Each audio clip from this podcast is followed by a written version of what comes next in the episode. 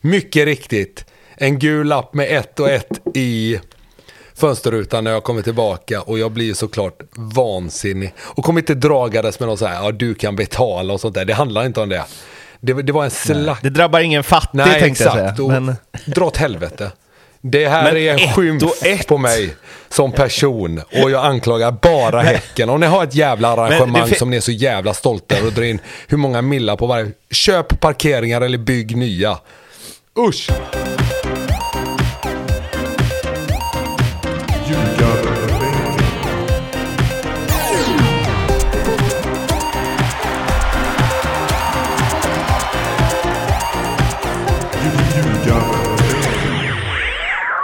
Ljugarbänken i samarbete med Betsson är detta Blomman fritt. Eh, I alla fall eh, under hela, han dyker kanske upp på någon sprakig linje från någon flygplats när det blir dags att snacka Hammarby. För, ja, eller vill, vill vi ens det? Vi kan ju ta ett beslut nu att vi bara skiter i att ringa upp honom. Ja, orkar man höra på honom och hans jäkla hybris? Vet. Ja, det är otroligt. Alltså, det är liksom eh, 3-0 mot ett mittenlag och så bara skjuts han ut i rymden. Ja, nej, nej. Och vet om Berisha är världens bästa fotbollsspelare efter Ronaldo och Messi. Men han är det tror jag. det, ver det verkar, Bayern-rapporterna säger så i alla fall. Malmö-rapporterna säger ju att de har valt bort honom. Klassiskt. Alltid så. Eh, ja, hur är läget med er? Tobbe, du kan börja. Eh, det är bra tycker jag. Vi Ja. är barnfria här hemma. eh, I Så det var dri- måndagsdrinkar. Vad sa du? Måndagsdrinkar var det. ja, eller hur? Precis, precis. Så försökte man vara lite rolig sen och det gick inte hem kan man säga. Eh, var, var, blev, blev så här 18 år igen och försökte insta, vad, vad säger jag, insta-kapa frugans konto där med att lägga ut en selfie med blixt mitt i mörkret. Men det, den fick inte Nej. vara kvar så länge tyvärr. Så det var lite tråkigt. Ja. Det, är, det är saker som eh, får en eh, annan humoristisk touch i dagens ljus, så att säga. Ja, det är, till och med frugan är lite lättkränkt i det här samhället så eh, det blir inget bra. Nej, det blir inget bra. Eh, Pontus, var, var befinner du dig? Vi la upp en fin eh, fönsterbild på, eh, på Instagram. Ja, precis. jag. Nej, jag sitter i sovrummet. Jag är huset full med folk. Det är Gotia, grabben lirar. Eh, ja, det är där vi är. Så nu sitter jag, har blivit inskickad i sovrummet och får podda härifrån. Men det ska nog gå bra tror jag. Det känns som att du betar av husets alla vrår när du väljer poddstudio. Ja, helt sjukt Det- egentligen. Jag är inte herre över det här huset. Det ska gudarna veta. Nej, det, det, nej, det är det, den känslan som förmedlas. Ja, nej, jag får ta det som bjuds. Jag är rätt van. Jag har varit så hela livet känns det som.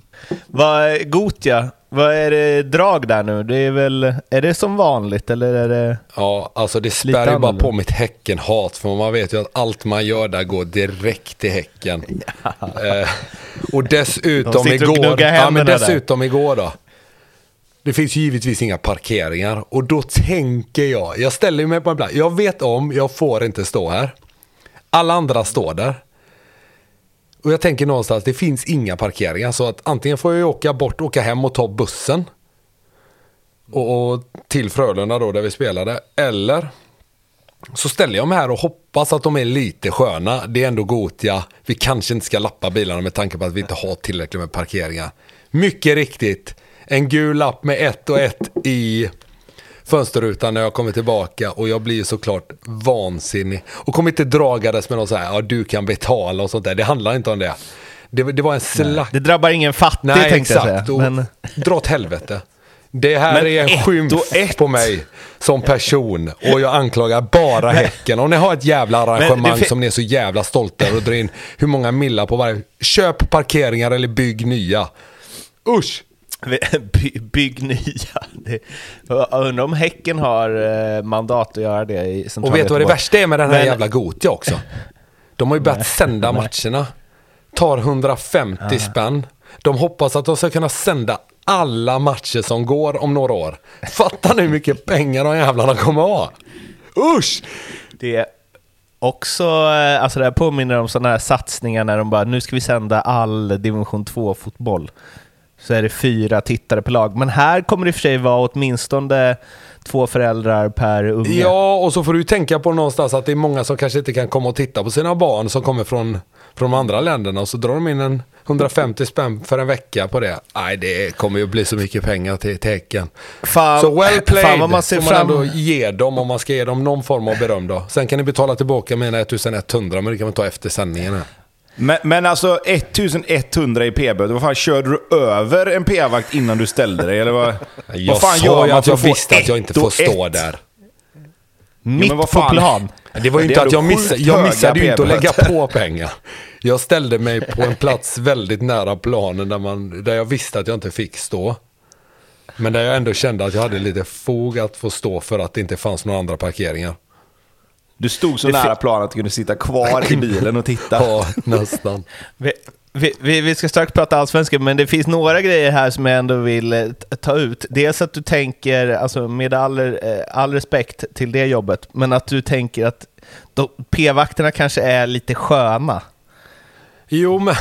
Det är inte ofta Jo, va? nej, nej. Eller? Det är ju inte det.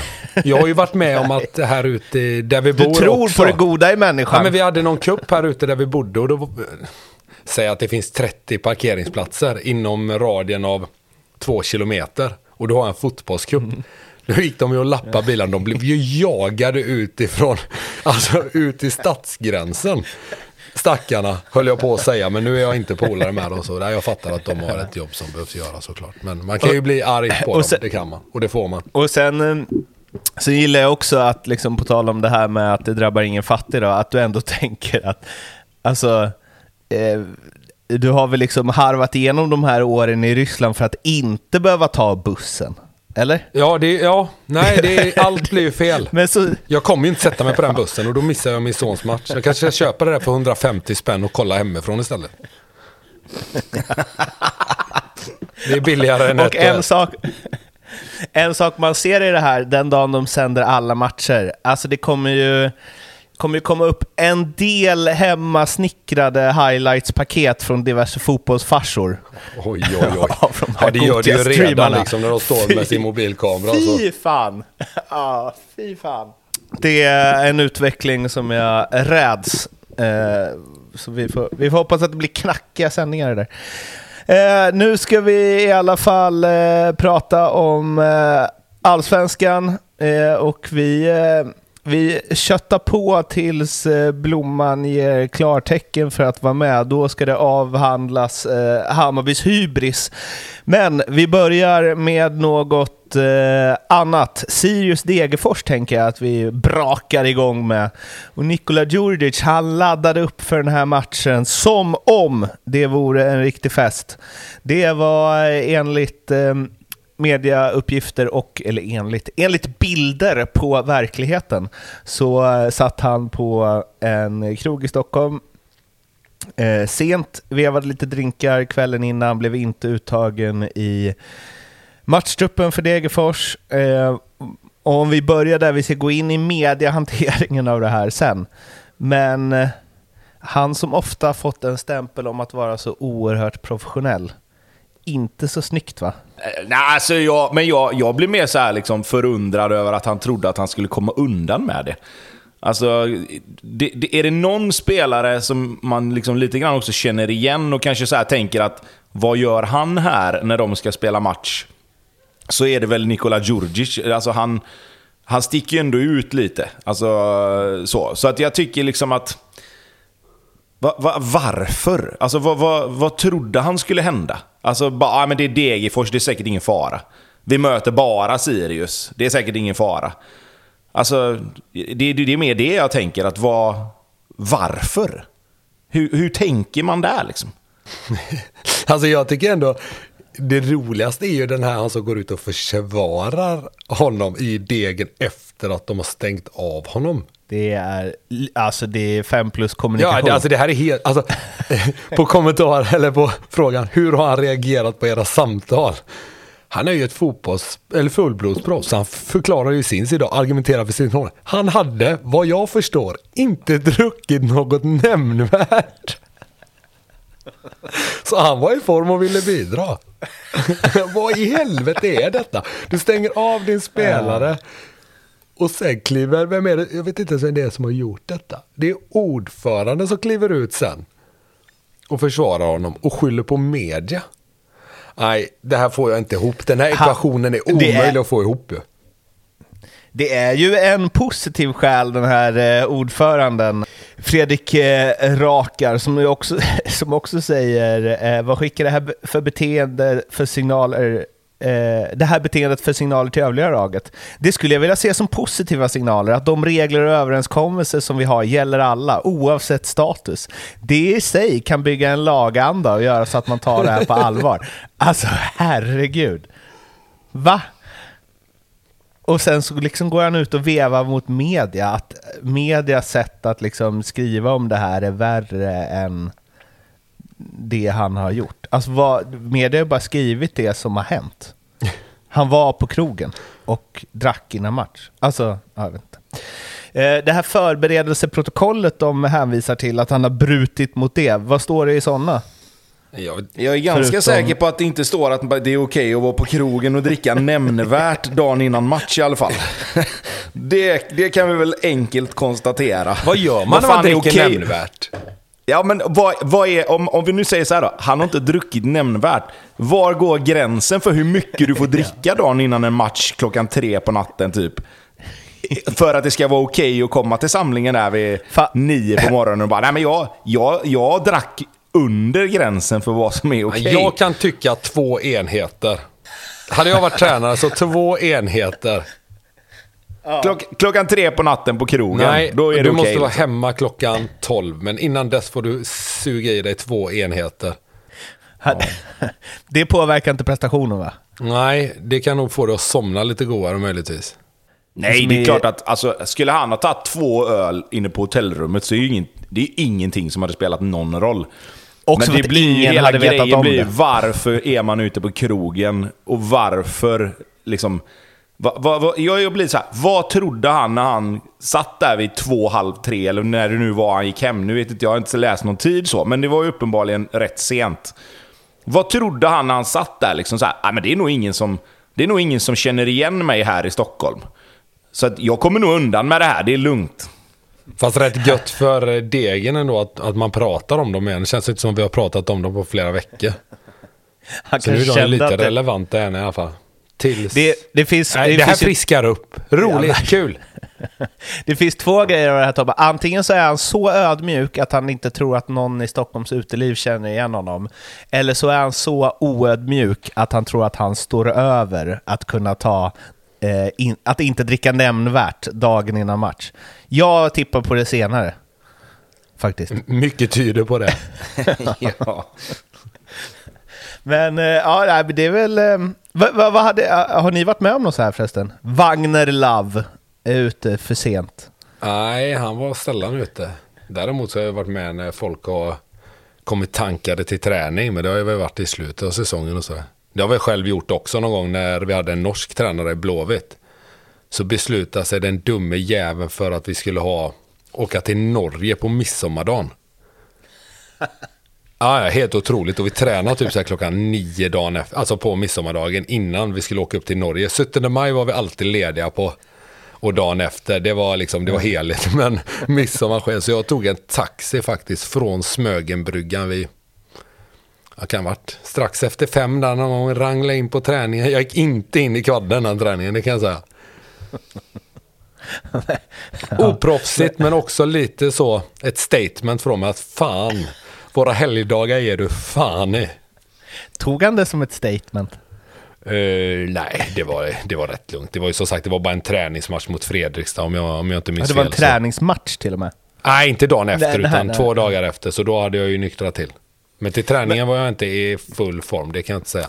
Men om man, eh, det kanske inte varit i den här situationen, men i, i, ett, alltså i laget, det mm. måste ju bli, alltså man slåss för att inte åka ur.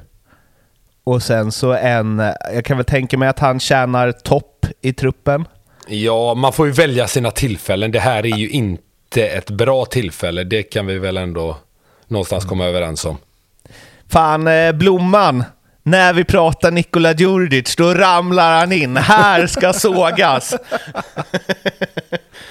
Eller hyllas. Eller hyllas. Det har ju någonting.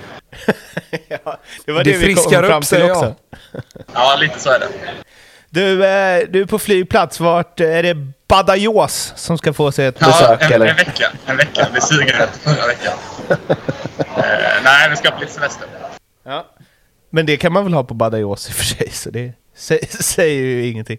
Jaha, eh, hur är det? Är det en SM-guld 2022-tatuering jag skymtar på halsen? Eh, skriver Berisha på så, så blir det halstatuering. Nej, men eh, det känns väl eh, bra. Vi saknar fortfarande en, eh, en nia. Det gör vi ju. Men eh, får vi in Berisha eller Jeremejeff som det snackas eh, intensivt. Jag har en grej där då. Jag tycker ju att Bayern måste köpa Jeremejeff och inte Berisha. Även om de skulle tro att han kanske är lite bättre. Men just för att om de har den här 10 miljoners utköpsklausulen på, som det snackas om på, på Jeremejeff. Då måste man trigga igång den. Dels för att han är just nu Sveriges bästa nia. Och dels för att göra Häcken så in i helskotta mycket sämre. Men hade han inte sagt nej va? Jag kommer inte gå till en annan Han svensk säger klubb. inte han väl? nej. Om Bayern öppnar upp plånboken, dukar upp 10-15 miljoner sign on time, då säger inte han nej. Det kan ni inte lura mig till. Inte en chans. Vad, vad- säger du Blomman? Berisha eller Jeremejeff? Alltså för Berisha kommer ju vara dyrare, men känns ju bättre. Samtidigt så har han varit borta nu med någon vad de sista matcherna. Jeremejeff storform, jag vet inte. Men eh, Jo, men att göra Viking sämre gör ju inte... Det är ju inte så... nej, men jag tror inte Häcken vinner med Jeremejeff ändå, även om han stannar. Jag tror inte det. Jag tror det, det står mellan Djurgården, Malmö eller Bayern. Jag tror inte Häcken... eh, De är rätt bra nu faktiskt. Jag slänger in en grej här lite snabbt då. Tror du inte det på riktigt? Eller säger man så att man inte tror att Häcken vinner för att de aldrig har gjort det? Jag tror inte Häcken vinner på riktigt. Okej. Det- För jag tror, att, jag tror att det är en, en liten försvarsmekanism hos många. Just för att det är Häcken. För hade det varit något av de stora lagen som hade presterat på samma sätt och haft en forward som Jeremejeff så hade man sagt att de var favoriter alla dagar i veckan. Med det utgångsläget de har också. Att de leder och har en match mindre spelad. Hade det varit Malmö, eller AIK eller Djurgården som hade legat i den positionen så hade de varit favoriter alla dagar i veckan. Och, och, och, och plockar in Simon Gustafsson. Ja men I precis, men jag säger det. Ja. I den situationen Häcken är så hade ingen pratat om dem som något annat än guldfavoriter om de hade hetat något annat. Och ge mig en parkeringsböter utan att blinka. Fan, de Vi börjar har, bli kaxiga ute på vi har avhandlat eh, Pontus parkeringsböter under Gothia Cup när han ställde sig på en plats som han visste att man absolut inte fick Och stå Häcken på. är ansvariga, Men- inte jag. Inte jag. Det är inte mitt fel. Det är aldrig mitt fel och absolut inte nu. Eh, Berisha, jag såg, han hade ju på något eh, statistikverktyg där som väl är erkänt, hade han väl tredje bäst siffror i ligan tror jag. Vilket man tänkte först, wow! Sen så såg man att eh, eh, Saletros hade bäst. Ja, jag, jag såg den listan också. Eh, men, men han är ju Och Tom Pettersson låg fyra. så det är liksom, det är svårt att dra några slutsatser. Han är väl en habil spelare, men ja. Ja, nej, men det, han är ju helt overklig. Så att jag har nästan aldrig sett liknande över tid så, som Berisha har. Så kan jag väl vara ärlig och säga att jag har inte sett han spela många minuter i ligan. Men, men 20 miljoner alltså? Ja, minst tror jag innan det blir färdigt. Om jag har förstått det. Är det där Bayern är nu? 20 millar åt höger och vänster? Nej, men alltså pengar finns det ju uppenbarligen. Det har ju sålts för tresiffrigt sista, vadå, året mer eller mindre. Bara. Och sen innan dess också. Eh, och Bagic vet jag inte riktigt vad han gick för, men han, han var rätt dyr. Eh, strax under 10 kanske skulle kidisa.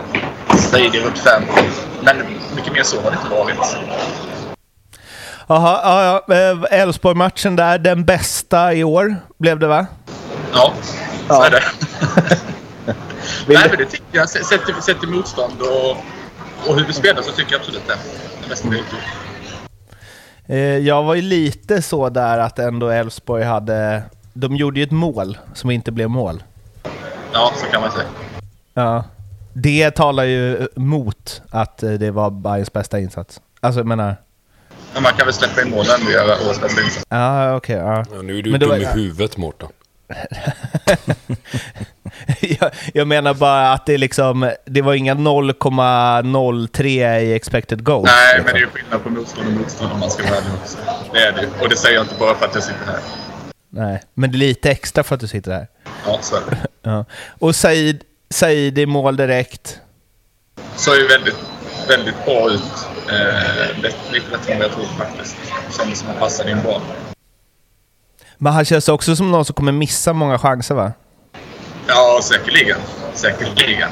Men det fick lite känsla att han kanske kan eh, blomma ut lite i, i, i Bayern faktiskt.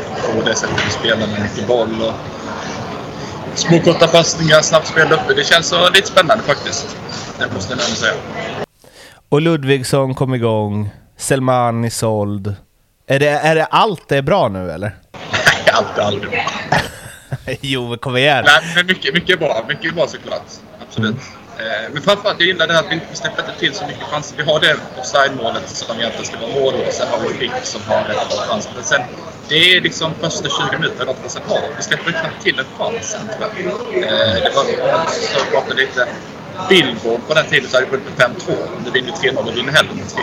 Jag tror det är mycket bättre i längden. Och framförallt så verkar det som att vi kanske har två bra målvakter nu. Där har verkligen släppt upp och, och täckt upp Dorin som, som man hade gjort annars förr. Um, grabbar, jag, ni är väl inte sena om ni får en möjlighet att hugga lite på Elfsborg, tänker jag. Ehm, för det är väl ändå all heder åt Bayern men rätt dåligt gjort av Elfsborg också va? Ja, jag vet inte om jag ska säga att det är dåligt. Jag tycker att Bayern eh, jag är som sagt, jag har varit på Bayern lite så här mest på skojs skull ska jag säga. För jag är mäktigt imponerad över sättet de har spelat på. Kolla bara det 3-0 målet de gör när de bygger. Ja, nej. Det är inte många lag som klarar av det. Nej, men det, och det har sett ut faktiskt rätt så mycket så. Bojanic ser ut som eh, världens bästa fotbollsspelare match in och match ut. Och Besara gör ju exakt det som jag sa att han skulle göra innan säsongen och det är en massa poäng. Det är både assist och mål från hans fötter hela tiden. Och, nej, de är, de är att räkna med och de är på riktigt och jag tycker inte att man ska slakta Elfsborg för det här. Visst, jag tycker inte att eh, Elfsborg är så bra som folk vill ha dem till heller, men eh, Nej, jag tycker mer att det är Bayern som är bra än Elfsborg som är dåliga om jag ska vara helt ärlig. Och angående Elfsborg då så känns det ju som att Holmén kommer komma in här och behövas mer än någonsin tror jag. För att jag tycker att ja, både Henriksson och Jardue som har spelat har sett riktigt dåliga ut eh, från och till den här säsongen och att Holmén kommer kliva in där bredvid Väisänen kommer göra att de givetvis kommer att bli bättre och det behöver de i det här läget. Ja, det känns verkligen som att det var en, en väntan på Holmén och Hult där. Det känns som att de behöver lite av den stabiliteten. Ja, och Eh. framförallt då om de skeppar eh, Sandén till Toulouse här som det snackas om för 15 miljoner. Eh, Jävlar vad många spelare i Allsvenskan det känns som det är liksom 15 miljoner för ytterbackar hitan och ditan. Alltså, Ja, men han har ju varit en av utropstecknen i, i vår tycker jag ändå. Mm. Jag tycker det har varit konstigt här på slutet att han inte har spelat, men det kanske är en av eh, anledningarna då. Är att de har haft det här budet på bordet och det är väl bara att ta nu när man har säkrat upp Hult och har Strand där också som, som en backup. Det är ju givet tycker jag. Det är väl väldigt bra management om man kan få till det så. Alltså om vi, om vi hyllar Bayern så mycket som eh, vi gör nu, du gör ju det för jämnan Blomman, men eh, liksom att, du, eh, att även Pontus var lite seriös nu eh, för en gång skulle gjorde det. Vad, alltså varför, vad är det som har hänt nu då? Att eh, bollen går, alltså är det bara att bollarna går i mål? Till skillnad från de här sex matcherna utan vinst. För Bayerns del. Ja, Ja, nej, men alltså, det är väl någon form av... Alltså helt ärligt så får man väl säga att det är väl någon form av jämna ut sig eh, grej, tror jag. Alltså det har ju varit en del i bygget och det har varit vägen. Och det har varit missat. Till slut så kommer ju skiten sitta. Det är så, alltså Semana hade ju också gjort mål förr eller senare. Tror det eller ej, det hade han ju. Han har ju fem, sex i yrket innan han lämnar nu. Han hade ju också gjort mål. Det är ju inte så mycket som skiljer. Eh, så, så jag tror bara att, eh, att det klassiska tiden tas i mål. När det kommer till det faktiskt. Men om man ska vara riktigt ärlig då, hur många dåliga matcher har de gjort i år, Bayern? Jag skulle säga att de har gjort den mot Kalmar och den mot Värnamo. Sen tycker inte jag att de är dåliga i några matcher. Sen studsade ju lite emot där under den perioden när de inte vann. Men eh, jag tycker väl prestationsmässigt så är det ju inte många matcher där de är sämre än det andra laget. Nej, Kalmar-Värnamo är väl de jag kom på direkt. Där Värnamo är topplist. Ja, ja, men precis. Och, och de andra matcherna, men ta, vi bara snabbt ta derbyt mot Djurgården. Det är ju ett under att de inte vinner den matchen och framförallt är det sjukt att de förlorar den. Och jag tycker det är ju några sådana matcher till där under den perioden. När de... Det är derbyt mot AIK 3-3 när Bojanic eh, eh, tar straffen. Den matchen är helt overklig att förlora. Ja, nej men det är ju några sådana liksom. De hade ju kunnat ta en riktigt fin buffert här nu om de inte hade fuckat upp det till en början. Men det kanske blir avgörande i slutet, vi får se. Men de kommer de här... definitivt vara med ända in på målsnöret, det tror jag. Gräsmatcherna i Småland, är det de som ställer till ja, nu, nu är det gräsmatch för Halland snart så. ja, just det. Fast den, har... fast den tar de ju. Alltså, det, vad var det? Fem, fem avstängningar som Varberg hade, eller?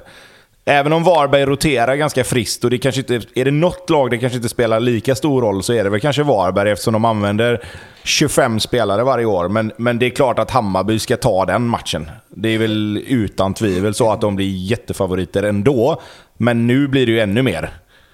Jag såg någon skön bajare där, Tony, som twittrade att eh, Varberg fem avstängda. Är det någon match man ska lägga månadslönen på att Bayern torskar så är det den här. ja, det kanske är så. Hur mycket känns det att en, en bajare heter Tony då? Det känns också är, det, är det sunken? ja. Eh, ja, eller vem, vem, menar du? Du menar han... Eh, ah, vad heter han? Sparven. Sparven, var det han du menar? Nej, Sunken, Nej. det är ju han i Hipp Hipp. Ja, just det. Just Tony och Sunken. Vet, vet ni vad... Vet, Andreas vet säkert, men eh, vet ni vad Sparven eh, heter? Nej, det har jag ju sett någonstans. Han dyker upp titt som tätt. Erik Edman. Just det, just det. är det sant? ja. Det är världsklass ju. det är världsklass. uh, ja, uh, Blomman, du ska få... Uh, eller vill du kanske ta spelen innan du drar till Badajoz? Ja, men det kan vi göra. Sen vill jag också återigen slå ett slag för Alper Demirot, Sveriges Iniesta. Ja, just det. Glöm aldrig det. Äh, Bygga av den jäveln nu. Kör dina resultat. Jag kan säga att jag glömde att spela på resultattipset ja, också. Första två med. matcherna. Jättedumt. Det behöver inte vara något negativt för din del. Jo, med tanke på att det var Djurgården och Norrköping. 0-0 Värnamo-Djurgården, 0-0 Norrköping-Malmö så var det negativt för min del. Mm. Ja, vad är det för spel då? Ja, jag kan väl börja då eftersom jag har bra självförtroende som Pontus brukar säga den gången han vann. Eh, jag har att Hammarby slår Varberg borta och att AIK slår Värnamo borta. Ja. Inga skrällar, men eh, ändå två bortasegrar. Vi hittade inte 3,50 i den dummen. Mm. Ja, nej, men det ligger väl ungefär där jag brukar, bortsett från den 5,75 jag satte förra veckan då. Vilken är det? Pontus? Jag har glömt av vad jag har. Jag sitter här och scrollar som jävla dåre. Kan jag säga vad du har då? Ja, jag kan också säga ja. vad du har i så fall. vad har jag? Du har att Malmö vinner med minst två mål. Ja, vilka möter de? Sirius. ja, Konstigt att du inte vinner. Vettigt. Låter vettigt. Och sen att eh, Mjällby vinner. Hade du nämnvärda e- enheter i dig när du... Nej, men nu zonar jag ut här. Vad sa ni att jag hade andra? Men det är ett konstant inflöde av nämnda enheter där borta. det är Malmö vinna med två mot Sirius. Ja. Sen så har du Mjällby att slå Degerfors Ja, det här är ju... Ja, vad får jag för det då? Känns, känns det bra nu med facit i hand? Ja, ja. Han dricker nämnvärt satt, varje timme. Nej, men ja. så här då. Jag hade ju, alltså moraliskt satte jag ju förra. Den Mjällby skulle jag ha slagit Blåvitt. Då hade jag ju vunnit till 9,75 eller något sånt där. Så moralisk vinnare var jag ju förra veckan. Ja, så, så vi har... Nej, jag sa att Tobbe säger att det handlar om att göra mål. Ja, jo. Det är det. Ja, Fast ibland kan man också ha en god känsla, även om det liksom inte visar sig i plånboken så kan man ändå ha en, ja. Det var det, var det du hade för eh, lapplisorna? God känsla, men det visar, eller det, det visar ja, sig exakt, i plånboken. men det sved till i plånboken. Och moraliskt så var det fel av dem, även om det kanske på pappret var rätt. Nu har du målat in ditt hörn här. Nej, jag vet att jag har rätt. Fast jag vet inte om jag kommer få rätt mot polisen när jag ska bestrida den. Nej, jag är inte säker på att du kommer få rätt hos oss heller, men det ger 4,25 i alla fall. Oj, det var anpa- snålt. Eller det kanske, det kanske betyder att den, det är rätt stor chans att den går in då, tänker jag. Eller större chans än med 9,75 som moraliskt var korrekt. ja, korrekt. Ja, Eh, så ja, kan det bli. Resultattipset, det, ja, det glömdes lite spel, eh, eller glömdes att fylla is lite åt Det är alla synd, för jag hade en jävla superomgång på gång. Fan. Moraliskt rätt. Jag hade en superomgång, så vi kan väl... Jag tror att Tobbe ligger först där. Och det är möjligt att Blomman har hämtat in lite. Ja, jag kommer nu.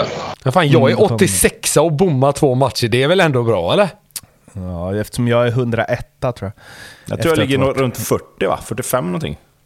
Men nu kommer jag. Ja, vi kämpar på. Eh, gemensamt kanske vi leder om vi slår ihop poängen. Eh, fan, det var, nå- det var nog mer jag hade med dig där, Blomman. Eh, jo, jag vill ha Sigurdsson målskytt mot eh, Blåvitt. Är det tio gånger eller? Inget är tio gånger mot Blåvitt. Men eh, det kan jag väl... Låt mig kika på den när jag kommer fram. Så lägger Ja. jag upp det.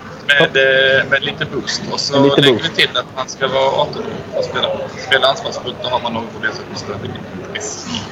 Så gör det. Eftersom du har lite hack i lina så säger jag också kom ihåg att spela ansvarsfullt och att du måste vara minst 18 år för att spela. Och behöver du hjälp eller stöd så finns stödlinjen.se. De här spelen finns Betsson, godbitar, ljugarbänken. Tjoff tjoff. Ha det så trevligt var du än ska. Ja, Vart du ska får väl du? eh, hojta till i chatten om du hittar någon David Concha eller något. jag ska, jag ska flyga till Valencia och sen åka tåg till Alicante. David Concha-land. Man hör ju det. Åh, det Snyggt. låter varmt att sitta i ett jävla tåg. I extremhettan. Det, det brinner ju. Det brinner ju i hela landet. Så det blir ju... Vet du ett tips också nu när jag ser det här på videon? Gå Smörj ut, och in det med solkräm. gå ut och lapa lite sol. Du behöver kanske inte ha 200 i solskyddsfaktor. Du ser ju för fan sjuk ut. Jag såg det. Det är helt sjukt. Du har ändå på dig en vit t-shirt och vitt tak. Det är nästan som man bara ser dina ögon och ögonbryn. Det är helt sjukt. Du ser ut som ett experiment nu. Ja. Ut och få dig lite solblomman, det är bra. Ja, vi, ser, vi ser fram emot en rödbrun eh, blomma nästa avsnitt. Ja, det är bra. Ja, ha det! Ha det fint! Enjoy. Norrköping, eh, Malmö FF ska vi prata om eh, nu. Jag var på plats på en match för första gången sedan MFF Wolfsburg för två år sedan. Så det var ju härligt, åtminstone på förhand. Det var, då, eh, efteråt så var det mycket att MFF gjorde sin bästa match för säsongen och Levi sa att spelar de så här så vinner de guld. Nu är jag lite färgad i det här, men jag tyckte att Norrköping var bedrövliga. Otroligt dåliga. Eh, noll självförtroende, eh, noll spelidé såg det ut som. Det var knappt en passning framåt på hela matchen. Rullade runt i backlinjen och MFF stod bara och väntade tills de kunde vinna tillbaka bollen. Ett in mitt fält med Mike Sema och äh, Skulason som är ju, ja jag vet inte om det är, det är väl mitten av superettan kanske. Och Totte Nyman gör ju vad han kan. Men han har ju absolut noll eh, runt omkring sig. Ehm, så jag vet inte hur mycket det sa om MFFs eh, styrka egentligen. Det är väl bra att kunna slänga in en Seidan och en Ceesay som båda levererade direkt. Ehm, och de spelade väl helt okej, men det var ju inte så att det var någon maktdemonstration från Malmö FF. Det var ju snarare ett rop på hjälp från Peking. Jag vet inte vad ni säger. Ja, men jag, jag kan väl hålla med dig till viss del. Eh, jag, om vi ska gå till Levis uttalande så tror jag mer det handlar om att skydda sig själv lite. Eh, att han också inser att de inte är jättebra just nu och därför lägger över det på att det var Malmö som var så jäkla bra så att vi hade liksom inte så mycket att komma med. Eh, för jag tycker också Norrköping var rätt dåliga. Eh, det, som, det som smärtar lite, inte för att jag bryr mig nämnvärt om Norrköping så, men det som smärtar lite är ju att Norrköping de senaste åren, sen de kom upp och blev no, alltså ett, en klubb att räkna med i Allsvenskan, har ju alltid varit ett bollspelande lag och varit duktiga i just det där att kunna bygga bakifrån och kunna hitta lösningar. och ja, men spela upp bollen på en felvänd forward och, och därifrån sen kunna attackera. Liksom. Och det finns ingenting sånt kvar i den här matchen. Eh, och, och, spelare som Alltså som Ekpolo som vi liksom har hyllat för sin defensiva kvalitet och som skulle stadga upp Norrköpings försvar är ju liksom är ju just nu nästan en belastning till och med. Med, med osäkra liksom passningar och hamna fel i, i liksom försvarsspelet ganska många gånger. Och liksom det känns som att de här spelarna har ju liksom inte blivit så mycket sämre på, på så kort tid, men, men det känns som att det är no, någonting måste hända. Liksom. Det måste komma in lite energi, det måste komma in en, en ny röst som, som kan liksom sätta tänderna i det här och på något sätt få, få de här spelarna tillbaka på banan igen. För som det ser ut nu så är det liksom... Det, det, det, det är ju två lag som, som kommer mötas här nu, Norrköping och Blåvitt, där, där det behövs lite energi. Liksom. Alltså, båda lagen kommer ju från matcher där man kanske känner att nej, fasiken, hur ska den här matchen se ut rent, rent kvalitetsmässigt? Liksom? Fast apropå det då, det du säger här med att det behövs en ny röst i omklädningsrummet på Norrköping. Deras ordförande tror jag det var som stod i intervju med i, i Discovery och sa att nej, vi har inga, inga tränare på gång. Vilket jag hoppas för alla Norrköpings fans att han står och ljuger. För det kan ju inte vara så illa att man kickar Norling och inte har något, alltså inte har en shortlist på tränare man vill ha in. Men så här, för jag tycker, alltså med Norling, när han kom, då tänkte jag så här, perfekt. De har, ett frejd, de har en frejdig offensiv, släpper in massa mål, han kan stabilisera upp det här och så kan de ha kvar kanske inte en lika frejdig offensiv, men ändå en bra offensiv. Men det som har hänt, jag, var på matchen med min pappa och han eh, är väl ungefär lika positiv som, vad var det Pontus, din Svärfar. Ja, exakt. Så sa han eh, i slutet av matchen där, för det är, det är väldigt lite utstrålning, väldigt lite go i Norrköping. Då sa han, det känns som att Norling har förstört det här laget. Eh, och lite så, alltså det känns som att de, det finns, som du sa Tobbe, det finns inget av liksom eh, kreativitet, finns inget av någon anfallsglädje, finns, alltså det är Levi typ. Han, Men vi har varit inne på det här alltså, innan också. Det har ju skett en nedmontering i kvalitet hos, hos Norrköping som de inte har kunnat ersätta. De har sakta men säkert blivit lite sämre för varje år som har gått. Och då ja, tror jag man ska vara med där uppe i toppen genom att ersätta bra spelare med lite sämre spelare hela tiden. Det går inte. Så enkelt sen, är det. Och sen dessutom att du, har en tränare, att du inte har någon tränare på plats och hoppas att dina assisterande, vilket jag alltid är emot att man gör. Varför? Man borde sparka hela staben och i sådana fall gå till U19-tränare då om man ska gå inhouse. Eller U-lagstränarna. Uh, jag kan varför inte begripa. Men, men så här, varför? Hur kan du ta Norling assisterande tränare och, och ta över spaden höll jag på att säga. Men att de tar över ansvaret. Då betyder ju det någonstans att de har suttit och hållit käften när Norling, alltså om, om de ändrar radikalt på saker och ting. Eh, då har de ju haft en helt annan eh, syn på det. Tobbe, håller du med mig här? Om, om din huvudtränare i Tvååker får sparken ska du ju ryka med. Ja, alltså, alltså enda, enda anledningen till, till att du väljer att alltså, vara kvar, det är ju som du säger, det är om du har lite andra idéer och kan skruva på vissa saker som du känner att ja, men det här, här har inte vi varit riktigt överens, men han är huvudtränare och jag är assisterande, så jag, jag, jag säger, alltså jag får liksom acceptera här att att han bestämmer. Liksom. Och så, alltså så, så kan det ju vara i vissa situationer. Att du diskuterar så. saker med huvudtränaren, man är inte riktigt överens, men huvudtränaren bestämmer och då blir ju det någonstans... Du, du som assisterande tränare då, så får du acceptera det också, att i vissa fall så, så kanske det inte blir exakt så som du vill. Men, men så funkar det ju i alla tränarkonstellationer och jag tror att jag håller med dig till viss del, men jag tror också att i vissa, i vissa fall så måste du också liksom ha en assisterande som inte tycker exakt likadant som huvudtränaren för att kunna utmana varandra och ifrågasätta varandra lite granna för att komma fram till vad som är bäst. Eh, så, så jag håller, Jo, jo, jag håller med, dig till jag håller med dig till viss del också. Men jag tycker så här, ska du, ska du rycka en huvudtränare så ryk, ryk allt med, med rötterna liksom. Upp med skiten, för du tycker uppenbarligen inte att det är bra. Ut med alla som har med honom att göra liksom i staben. Ja, jag tror, jag tror att där, där handlar det nog mer om en ekonomisk del i det hela. Att du kan inte, du kan inte kicka fyra, fem stycken och ta in fyra, fem nya.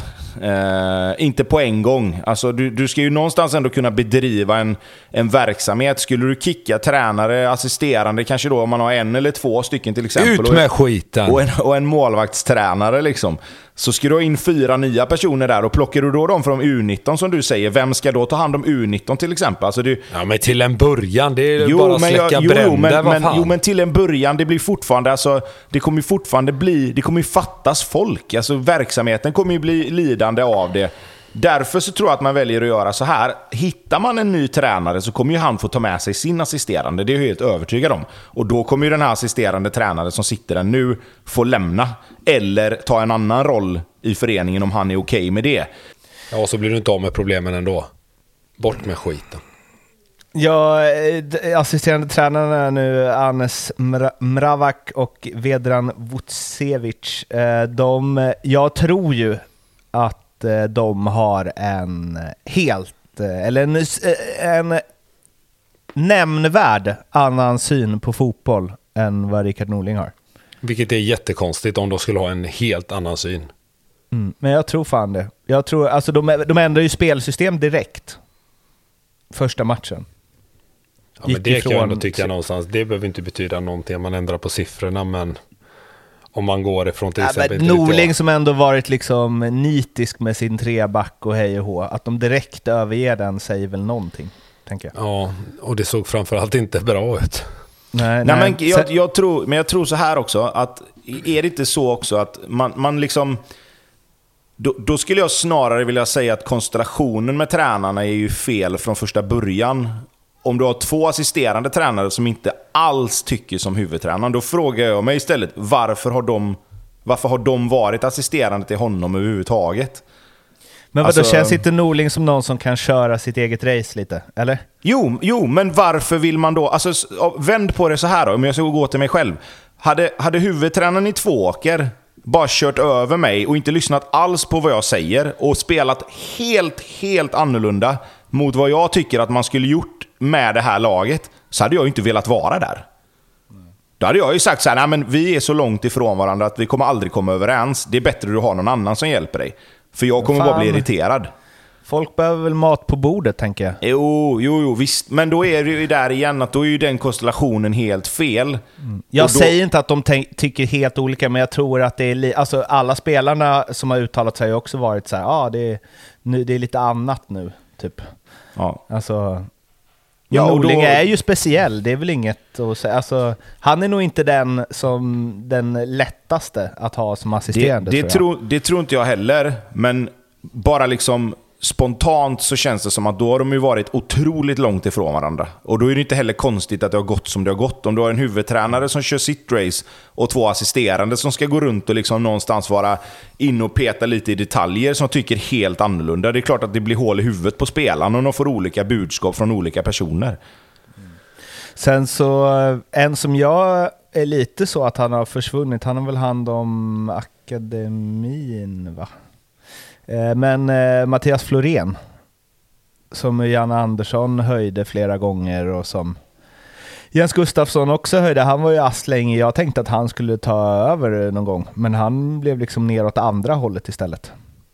Men, men tror du inte, men tror för, inte det för kan vara... stark röst kanske, för Ja, stark exakt. syn på fotboll. Alltså, Och tror du inte det kan vara så då att han kanske kände att den här fotbollen står inte jag bakom, så här, det här kan inte jag liksom... Jag vill inte sätta mitt namn på det här. Alltså, han, han kanske då känner att nej, men då vill inte jag vara med. då utvecklar jag hellre ungdomar. Liksom. Ja, eller jag känner att just den här fotbollen som, som blir här nu i Norrköping, den, den står inte jag bakom. Och då kan inte jag sitta här i ett tränarrum och liksom nicka och, och, och acceptera att det är det som blir. Mycket möjligt, tror jag. Med tanke på hur hyllad han var och hur omtyckt han var. Att, eh, att han bara så försvann neråt istället. Ja. Eh, Nej, sen är det ju bara spekulationer kring det. Men Ja, jag menar, det är, ju, absolut, det, är ju det som blir kring det här när man märker att liksom, som jag sa, att har du två assisterande som ändrar på precis, alltså liksom rör om helt och hållet. Det kan ju också vara att de två känner att okej, okay, det vi har gjort nu har inte funkat. Nu har vi fått chansen att ta över här. Vi måste ändra på saker här nu. Vi kan inte bara fortsätta med det som vi har trott på, för det har inte funkat. Och så väljer de att ändra lite grann, kanske gå ifrån sina egna principer också. Det vet man ju inte. Det, ja, men sen det... så tycker jag så här, sen någonstans, börjar man köpa försvarare från Sundsvall, då kommer man få problem framöver också. Det tror jag. Han var trygg med bollen va? Ja, när är vi där igen.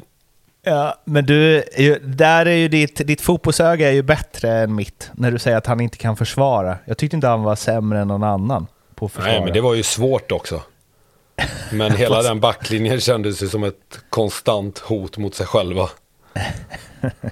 ja, men det kan jag köpa. Men jag tycker inte att det beror så mycket på eh, Anton Eriksson. Alltså... Nej, det tycker inte jag heller givetvis. Jag tycker bara det var en illa fungerande backlinje. Och, eh, jag vet Polos rensningar upp mot ja, straffpunkten nej, de, Ja, den satt ju på läppen. Eh, hade han haft samma precision i offensivt straffområde hade han gjort mål istället för att sätta en tre meter över. Ja, nej, eh. den, den vänsterfoten hade en dålig dag på jobbet. det får man säga. MFF, på tal om bolla med då, Seidan, vilken jävla debut. Ja, men framförallt hela deras innermittfält tyckte jag såg riktigt intressant ut. Och jag, tänkte, jag satt och tänkte hela tiden, vart ska, vart ska Christiansen spela här? Ja. Det, eh, det, Tobbe, då... du som ändå är tränare, vart skulle du sätta in en sån gubbe? För man kan, jag tyckte det såg så jäkla bra ut, det inne i mittfältet, att ha han buffen Siby där på mitten. Han såg väl inte mycket ut för världen med bollen, men jag kan ju tänka mig att han kommer växa ut och bli en jätte där i sexan-rollen mm. framöver här. Och Sedan och eh, Penja. Mm. Man kan säga mycket om, om MFF som lag, men de två tillsammans där såg ju ruggiga ut. Alltså ja. jag skrek ut att det där är Sveriges överlägset bästa innermittfält. Mm. Efter en match mot Norrköping Christian, borta. Fast, alltså... Christiansen hade ju den frågan själv som du bollar över till eh, Tobbe nu Pontus. Han sa ju till eh, Sportbladets reporter, om du var tränare, hade du satt mig på bänken? Lite aggressivt kanske, eller lite liksom ja, frustrerat. Men alltså så här, så här. Nu, nu, möter, nu möter Malmö eh, ett ganska dåligt Norrköping, då har vi kommit fram till. Eh, I min värld går Christiansen in före både Zeidan och Peña. När han är frisk och i form.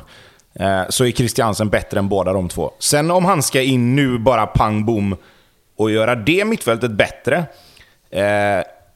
Ja, det tycker jag. Han ska spela, framförallt ska han spela Europamatcherna. Eh, där ska han in före Zeidan, för att han har ingen erfarenhet av att spela Europamatcher. Du kan inte slänga in honom en gång och förvänta dig att han ska vara lika bra i varje match. Eh, I den här matchen spelar de på konstgräs, vilket han har gjort nu ett tag och är bra Zeidan där. Zeidan får problem att spela i Litauen menar du? Nej, men jag tror, bara att, jag tror bara att man ska inte underskatta vikten av att Christiansen ändå har spelat de här matcherna i x antal år nu och sedan inte har gjort det. Eh, med det sagt så säger inte jag att han inte kommer kunna lösa det på sikt, men frågar du mig vart Christiansen ska in, så ska han ju in istället för Zeidan om, om, det, om vi pratar om det mittfältet. Att Sibu såg lite dålig ut med bollen, det tror jag enbart handlar om konstgräset. Jag tror att det handlar om att han inte är riktigt van vid hur det rör sig och hur, hur man ska använda första touch och flytta boll och sådär. Liksom. Så det tror, jag, det tror jag han kommer lära sig. Nej, jag tror han kommer ehm. växa ut en bra... Alltså, framförallt så ser han ju sådär jävla bra ut. Alltså helt...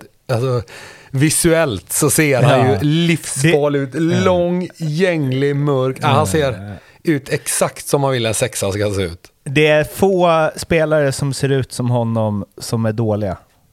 Ja, eller hur? ja, det är faktiskt. Och så franskan på det. Nej, ja. Otroligt. Jag blir kär direkt.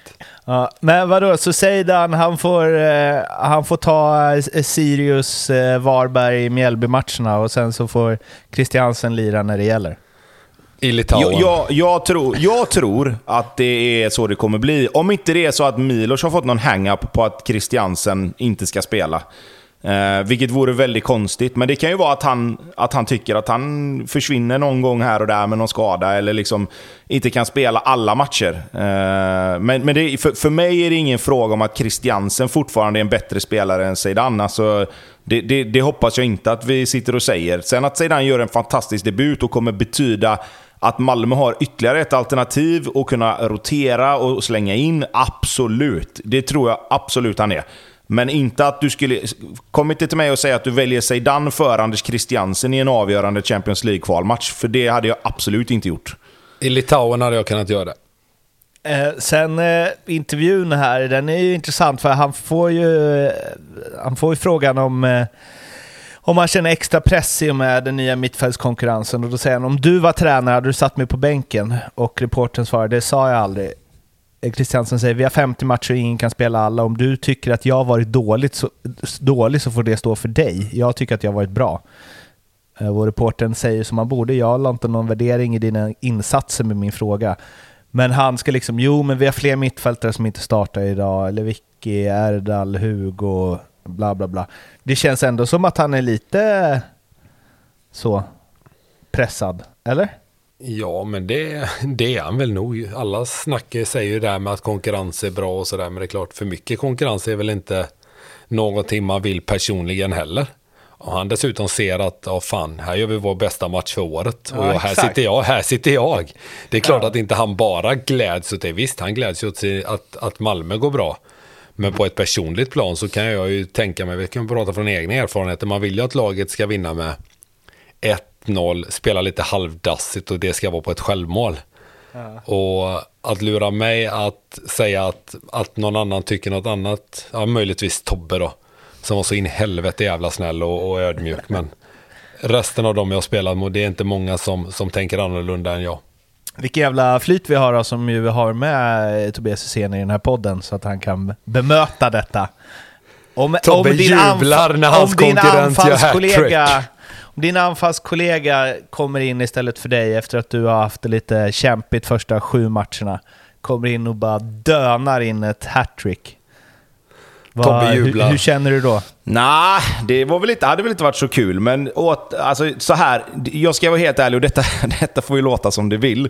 Men det var ju inte så många år där jag behövde oroa mig för att jag inte skulle få spela. Det var väl möjligtvis 2008, första året när jag kom till Blåvitt. Eh, och då var jag så pass ny, så då var det ändå liksom så här, ja men fan, det är fine att, att det går bra för andra. Sista året var ju också så, där jag liksom inte fick spela så mycket, men då var jag också... Då var jag liksom på en plats i karriären där det var liksom, jag visste att det typ mer eller mindre var mitt sista år och jag hade ingenting för att gå runt och vara irriterad över att, att jag inte fick spela. Liksom. Det är klart jag hade velat spela mer och inte alltid höll med. Men övriga säsonger så var det ju ändå så att jag kunde ju göra någon dålig match här och där och ändå veta att, mer eller mindre att jag kommer ju ändå spela. Uh, för för det, det var inte jättemånga säsonger där jag hade många matcher i rad där det inte gick bra. Liksom. Så att, svår fråga, men frågar du mig rakt ut. Det är klart att man aldrig är glad om en, den som kommer få spela på din plats gör det för bra. Det, så är det ju. När Zlatan gjorde det där målet mot England på Friends, satt och svor på bänken då. Nej, då, det, nej, men precis. nej, nej, det, nej det, det, är ju att dra det till sin spets åt andra hållet. Med landslaget var det så här, liksom, där visste jag ju å, å andra sidan att det var tvärtom. Där var det liksom så här, det spelar ingen roll om jag kommer in och gör två på Tyskland så kommer ju Zlatan fortfarande spela nästa match. Ett trött Tyskland. Ja, exakt. Ett trött Tyskland. Nej, men det är klart att alltså, man får ju veta sin plats lite också. Man det, får inte glömma att de var jävligt trötta den matchen. Nej, de var, de, de var, de var Extremt klara, för, de var var klara för VM, så kan man säga. Ja, man kan inte vara mer klara för VM än Det vad var- de var den matchen. Nej, det, var nämnvär, det var nämnvärda enheter kvällen innan. ja, eller hur? Eller hur? Men det där är intressant, alltså, för jag tänker att man ändå vill... Men det, sp- spelar, det beror också på vilket lag man spelar i? Eller? Ja, det är klart det gör. Det, det är men klart. alltså att du, att du kanske... Men säg när du spelar i Blåvitt då, Pontus, att det var mer okej om någon tog din plats och Ja. gjorde det bra där. Jo, än- absolut. Och även då landslaget om vi ska dra det dit då. Där är det. Men värre är när man har det, eller när man ser... um, Som jag då, när man var ute på kontinenten och det var mer ett jobb. Eh, då var det värre såklart. Det, det, måste också varit, det måste också vara sjukt, för liksom Christiansen är ju i den positionen att han är liksom lagets största stjärna. Alla pratar om så här, utan honom får de inte riktigt sitt spel att funka och bla bla bla. Och så värvar de liksom, all respekt för Sirius, eh, någon från Sirius som bara går in och dominerar första matchen och bara vår bästa match i år. Det måste ju vara så här, vad fan. Ja, men det är det jag tycker. Alltså. Det tycker jag märks på intervjun. Att det gör ju, finns en irritation där, en liten. Och med, jag lägger ingen, ingen värdering i det. Jag hade nog kanske reagerat likadant om jag hade haft den statusen som Christiansen hade haft. Och, Ja, nej, det, det är roligt när det händer grejer. Jag älskar stjärnspelares sköra egon i, som blottar sig i det får stå för dig om du tycker jag var dålig. Ja, det klassiska angripa reporten, då, då finns där en irritation. Hur? Eh, yes, um, MFFs lott i Champions League då? Det ska väl bara städas av, eller? Städas av innan man åker ut mot och Glimt. Exakt. Ja. För det blir tufft. ja, det är väl, där är de väl inte favoriter, eller? Alltså, är man inte det? Jag tycker Glimt kanske att man borde vara det. Ja, det tror jag. Alltså, är Bode Glimt så bra som de var mot Roma hemma när de vann med det? det, då blir det jobbigt. 6-1?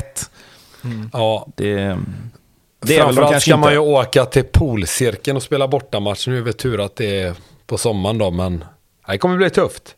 Jag Mm. räknar iskallt med att Malmö tar sig dit givetvis och att och Glimt också tar sig dit. Men det ska bli, det ska bli en jäkla rolig match att få se och Glimt också. Men om vi, om, vi, om vi säger så här då. Nu, nu tror jag att Malmö löser eh, Litauerna också. Men om man tittar på matchen mot, mot islänningarna så är det ändå liksom... Det är ju det är på håret ändå att de, att de löser det där utan förlängning. Alltså de har ju ändå ett ganska bra läge i slutet att göra 4-3 och ta den matchen till förlängning. Är vi helt säkra på att, att Malmö städar av då, om man säger så, de här litauerna? Ja, jag tror att med matchen nu mot Norrköping, det jag såg mot Malmö, mot Norrköping, vi får... Du kan säga att Norrköping var hur dåliga du vill Mårten, men jävla vad jag var imponerad av dem då. Det var det där Malmö som kommer vinna SM-guld i, i höst här, det tror jag verkligen.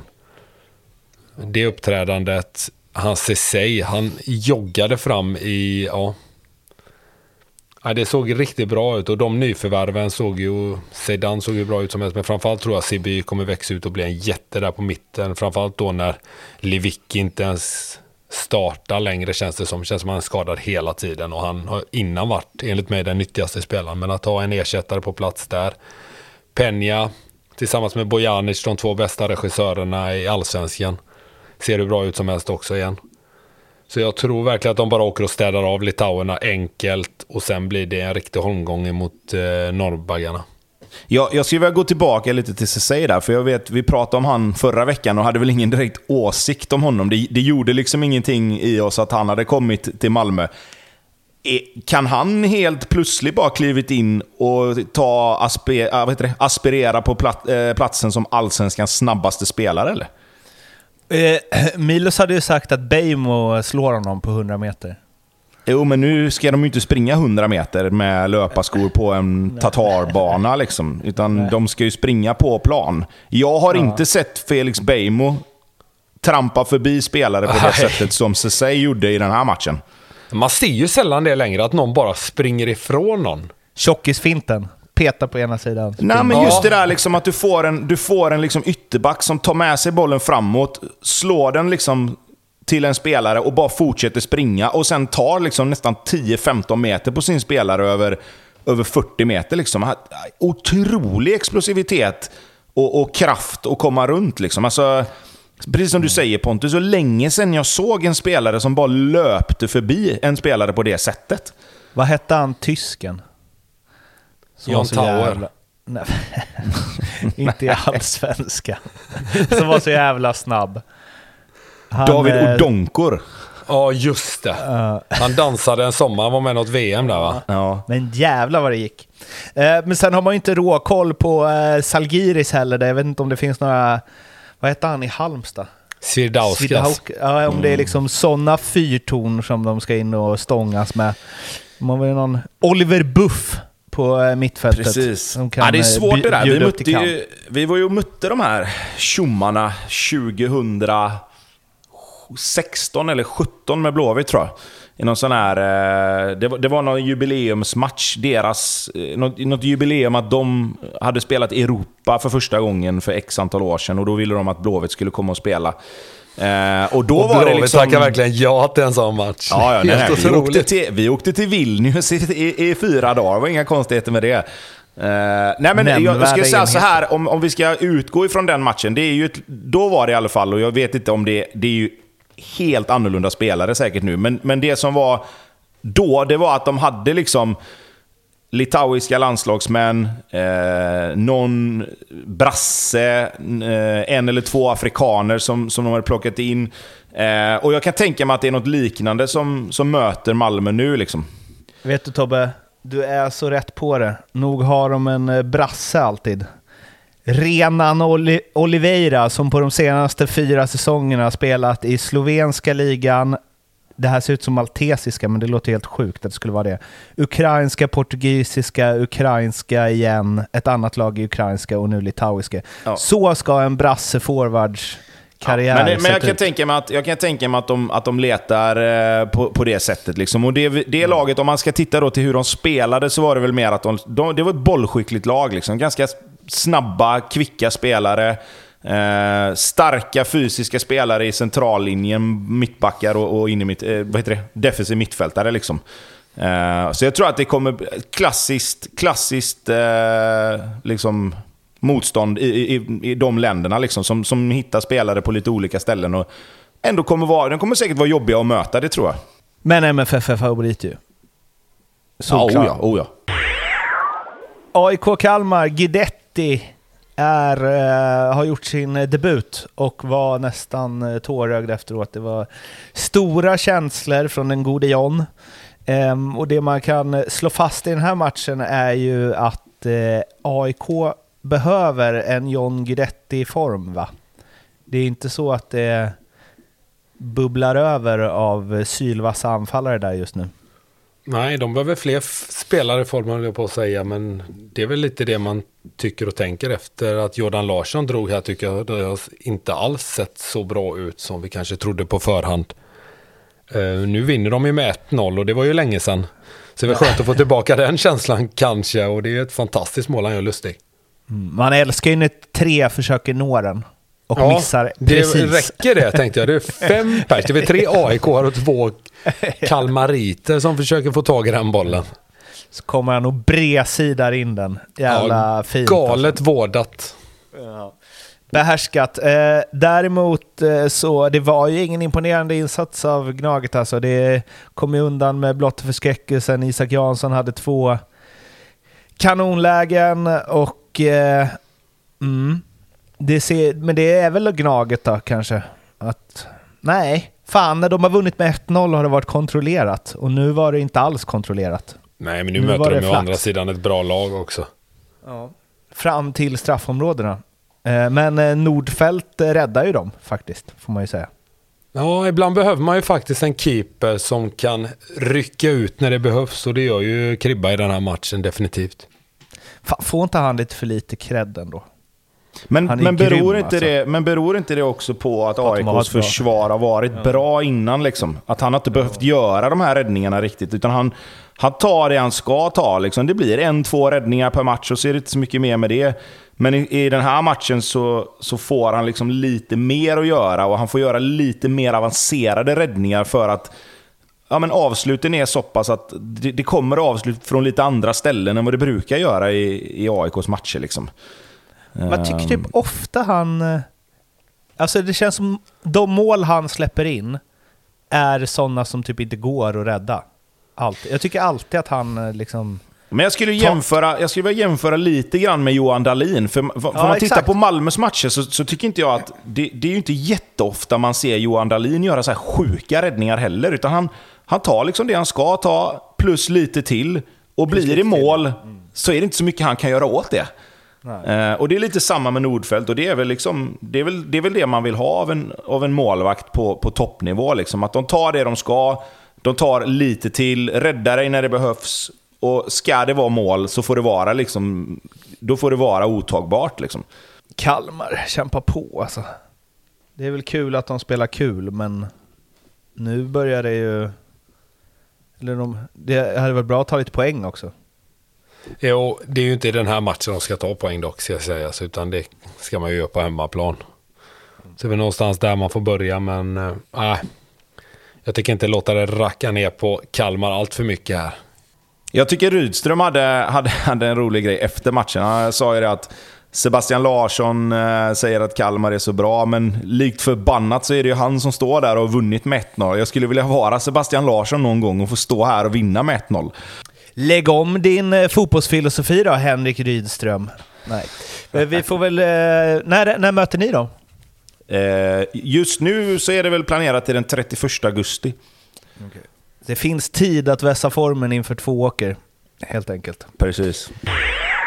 Varberg-Helsingborg då, väntad eh, 0-0-match. Ja, men då kan jag bara säga som så här. Varberg borde givetvis ha ett mål sista kvarten. För det var, det var sån hönsgård i, hos Helsingborg. Det var länge sedan jag Eh. såg det. Men det var nog skönt för Rogna att kliva in och att de höll nollan ändå. Ja, det var hans debut ja. Sen ska ju Helsingborg, Gigovic har ju ett helt otroligt läge han missar också. Där Ja, han bara ja, kan placera in boll. Hade han valt att placera den i andra hörnet så hade det varit mål nio gånger av tio ju. Men han Ja, skjuter ju åt det hållet där backen kommer och kastar sig, vilket är... Ja, det kan Men, vi eh, diskutera en annan gång. Har inte Helsingborg lite... Jag vet inte, det känns som att de... eh, Att de typ är nöjda med 0-0 här. Ja, de behöver ju bara ta tre poängare framförallt. Visst, nu är de i ett läge där 0-0 inte är en katastrof, men de behöver ju vinna en match då och då. För att någonstans börja klättra i den här tabellen. För nu är det, ja, jag vet inte, det är bara en känsla liksom Rogne, det är bra att stabilisera försvaret, Facetas kommer in och sliter lite på mitten och så vidare. Men det känns som att eh, de har ett lag som är så här, okej, det står 0-0 när matchen börjar, nu håller vi det här. Ja men lite så. Ja, men lite så. De, de behöver ju få lite mer av Taha Ali och van den Hurk framåt. För det är ju de två som får göra det för, för eh, Helsingborg. Gigovic är ju... Det är ju en bra spelare, men det är ju ingen spelare som gör 10 plus 7 en säsong. Liksom. Utan kan han komma upp i 5-6 assist och göra 3-4 mål så är ju det bra för honom. Eh, Så det är ju Taali och van den Hurk som måste... De, de måste ju upp. Alltså vi har berömt Taali för sina prestationer och han har ju varit bra. Det är ju där det händer om det händer. Men det måste ju också omvandlas i mål och assist. Eh, Och likadant givetvis för van den Hurk. Du kan inte, du kan inte liksom leva på att han ska sätta en straff var femte match. Utan han måste ju börja göra mål i spelet. Eh, Och där har ju Helsingborg en... en, en liksom, det, är, det är ju där de måste upp. Eh, bakåt tror jag att de är tillräckligt bra nu och kommer vara hyfsat stabila liksom, för att inte klappa igenom och framförallt liksom kunna hålla, hålla bort lag i, i, i den, på den nedre halvan ifrån mål i, i ganska stor utsträckning. Men, men det är klart att de, som Pontus säger, du måste ju vinna en match lite här och där också. Du kan ju inte spela två oavgjorda, förlora två och sen en oavgjord till. Utan någon av de här matcherna måste ju bli en trepoängare för att kunna komma ikapp. En match som inte slutade 0-0 var ju när eh, BK Häcken eh, besökte eh, Sundsvall och ja, jag vet inte vilken ände man ska... Jag vet inte om det här säger allt om båda lagen eller inget om något av lagen, men eh, slakt. En väldigt väntad sådan. Ja, men Sundsvall har ju redan åkt ut. Sen vägrar de ju sparka sin tränare, vilken kanske är den enda, alltså den sista lilla halmstrået som de kan gripa efter. Så nej, de, eh, det är knappt värt att, att lägga någon mer energi på att prata om dem för att det ser ju inte bra ut. Ja, det är otroligt faktiskt. Dåligt. Ja, men alltså, det, det är liksom... Hur fan kunde de slå MFF? Ja, men det gjorde de ju inte. Det var ju Malmö som förlorade mot Sundsvall, inte tvärtom. Alltså, det, det var ju liksom... Alltså egentligen matcherna... Jag skulle säga att Malmö var mer överlägsna än vad Häcken var. Eh, Men Häcken gör ju mål på sina målchanser och Malmö gjorde det inte. Och där är egentligen den enda skillnaden. Eh, Jag skulle säga så här att Häcken utnyttjar ju Sundsvalls svagheter i andra halvlek Eh, på ett jättebra sätt. Och jag skulle säga att eh, Sundsvall orkar försvara sig hyfsat i den här matchen i, i 50-60 minuter. Men sen när det blir lite trötta huvuden, det blir lite jobbigare att springa och jaga Häcken. på, över stora delar av plan. Och då helt plötsligt så kommer det ett misstag och så ligger man under. Och så kommer det ett misstag till och man glömmer av Jeremejeff som blir helt ensam i straffområdet och så är det 3-1. Och där någonstans, när det blir 3-1 där, då tycker jag att då får Sundsvall någonstans inse att okej, okay, nu är den här matchen förlorad, nu är den körd, vi kommer inte vinna det här. Då får man se till att inte släppa in något mer mål. Ja. För sen är det två mål som är liksom... Alltså, Uddenäs, mål är ju helt sjukt ju. Ja, men alltså, Uddenäs går, mål, det är ett jättefint avslut. Men de, alltså, han backar ju för fan in och ställer sig på målområdeslinjen nästan. Innan han får skjuta. Och det, det är, liksom, det är så dåligt försvarsspel. Och det, vi har sagt det så många gånger, men, men det är liksom... Du kan, inte, du kan inte förlita dig på att spelarna ska liksom Alltså, de här spelarna kommer inte, de kommer inte bli bättre på att försvara sig. Utan du måste ha ett kollektivt försvarsspel som blir bättre. Och då måste Men du det... sätta vissa regler. Du kan inte, kan inte ha en mittback som backar in i eget målområde innan, innan han kliver. Då får du hellre gå bort dig. Alltså, stö, då får du hellre stötbryta där på straffområdeslinjen och så får Uddenäs i så fall gå förbi. Och så får du ha ett understöd bakom, eller en målvakt som får komma ut och försöka göra en räddning. För nu blir det ingenting av det. Men det, kommer, men det... det är som du säger Tobbe, det kommer, ju, det kommer ju till en gräns när en spelare driver boll att okej, okay, nu kan vi inte falla längre. Ge, den gränsen kan ju inte vara i princip inne i straffområdet där det är helt fritt skottfält utan den måste ju komma 5-10 meter innan så här. Visst, han får skjuta härifrån och då ska den liksom sitta i krysset om det ska in. Men de skiter ju i det. Det är som du säger, de backar in på mållinjen i princip innan de börjar och kliva upp och då är det ju alldeles för sent. Det målet Uddenäs gör, det är helt sjukt. Är det. Men är det inte att de skiter i det? Är det inte det? Nej, de, det gör de alltså inte. Det, nej, det är nej, klart men de inte att gör. det blir lite så här, vi är så jävla dåliga, vi har redan torskat den här matchen, det finns ingen energi, det finns ingen tro på någonting. De är bara trötta på det och då blir det som det blir. Nej, men jag, jag, jag ska säga så här, det är klart att de känner vid 1-3 att den här matchen är nog körd nu. Vi gör inte två mål här samtidigt som Häcken inte gör ett mål till om vi ska öppna upp oss. Men det var som jag sa, då får man ju liksom sätta ner foten och så får man ju bara, okej, okay, då får det bli 1-3. Det får inte bli 1-5, 1-6 igen. Liksom. Och, och men det, är där, men det är där de inte, de är inte tillräckligt bra.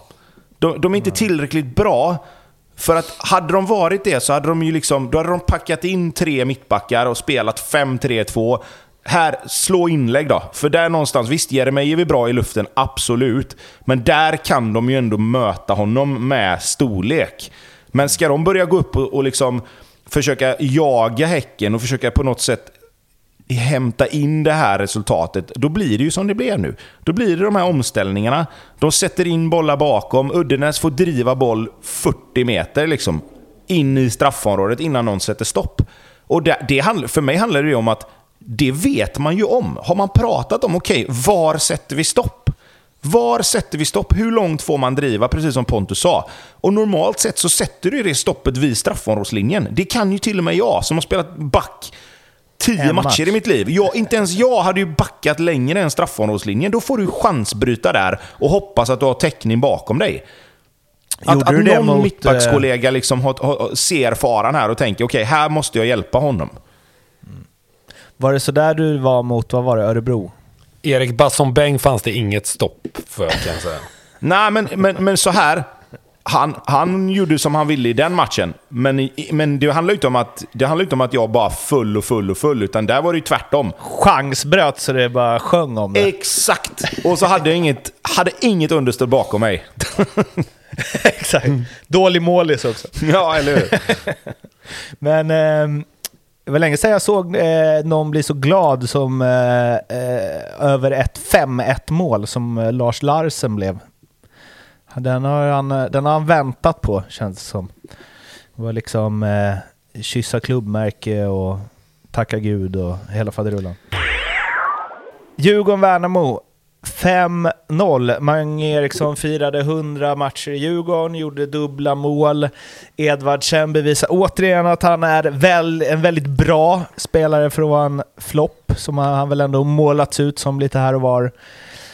Eh, Värnamo, ja, de har ju, jag vet inte vad de har för facit. Är det 15-1 eller något på tre konstgräsmatcher? 13-1, något sånt är det. Det var väl som det skulle vara på alla sätt och vis. Värnamo hängde inte med. Djurgården var så bra som de behövde vara?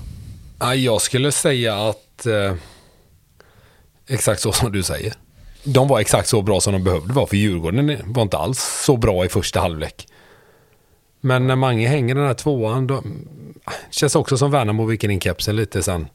Eh, efter 2-0 målet där som Mange gör helt fantastiskt. Ska sägas, skjuter i steget där och ja, otroligt Ganska fint mål. studs... eh, Alltså... Ja, men fint det- mål, fint mål får man ändå säga. Det. Smart, smart mål och Mm. ja.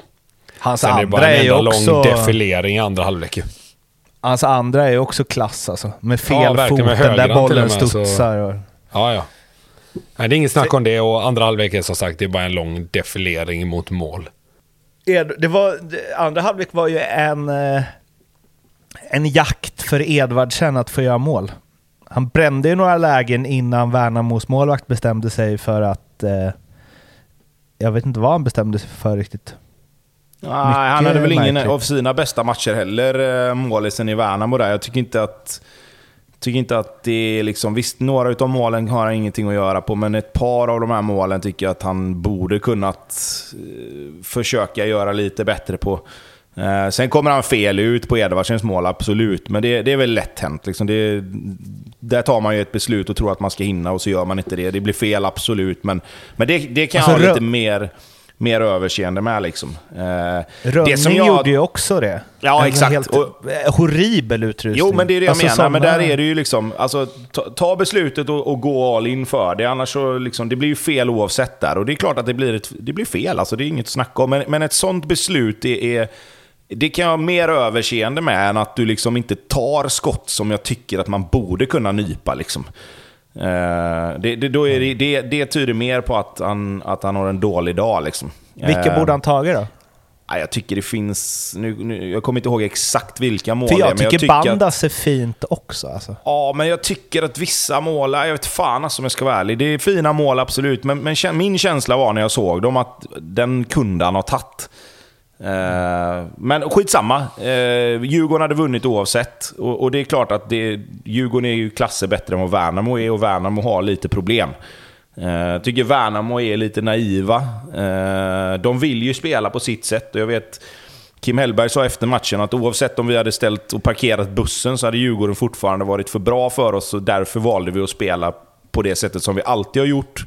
Eh, för vi, tror- vi tror att det kommer utveckla oss mer i längden. Och det, det är liksom... Det, det är beundransvärt att man väljer att göra så, men jag tycker att när man, när man då släpper 2 eller 3-0 där sen, då är det samma lite som för Sundsvall. Då får man någonstans, då får man någonstans liksom se till att okej, nu får det inte bli mer. Även om vi vill spela och även om vi vill utveckla vårt spel och, och se vad vi kan göra. Alltså, du, du, det är liksom, för spelarnas skull så, så hjälper det ju inte dem att få stryk med 5-0. Hade de fått stryk med 3-0 så tror jag att okej, de var för bra. Liksom.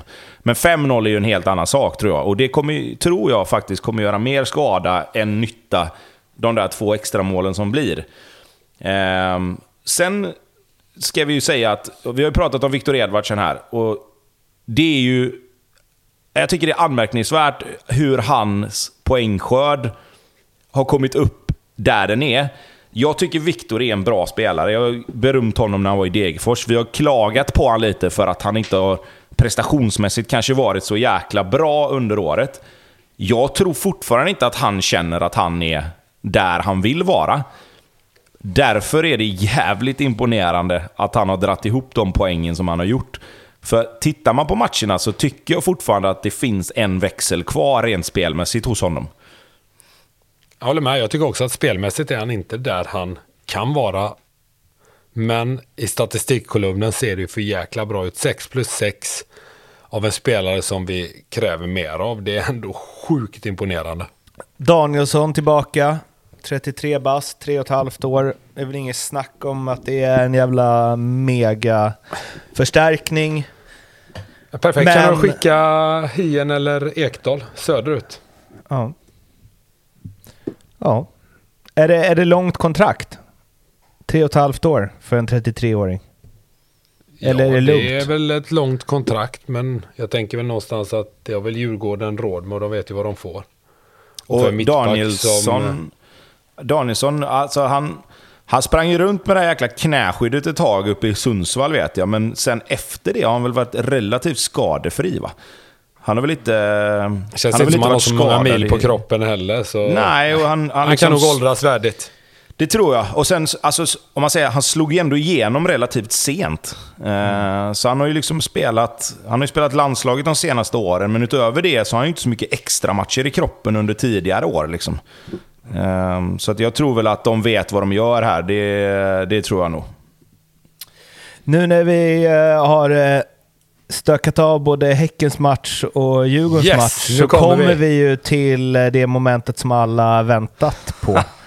eh, Tobias Hysén ska välja ett eller två. Inte ett, kryss två. Mm. Så eh, Tobbe, Häcken eller Djurgården? Vilka ser Mm, du helst precis. vinna SM-guld? Eh, nej men så här, eh, så här ska jag lägga upp det här då för att, för att förklara mig lite grann. Eh, jag har valt Djurgården här. Eh, för att dels, jag, jag har Häcken att tacka för jättemycket. Eh, jag kom och slog igenom i Häcken i tidig ålder och hade jättebra tid där. Men tiden i Stockholm, rent fotbollsmässigt, karriärsmässigt, eh, framgångsmässigt, var bättre. Alltså jag, jag, har mer, jag har mer med mig ifrån tiden i Stockholm, även om den tiden var kortare. Eh, på grund av att det gick bättre, dels för mig själv och dels för laget. Att vi vann SM-guld, vi vann kuppen två gånger, fick spela mot Juventus. Eh, fick göra debut i, i A-landslaget.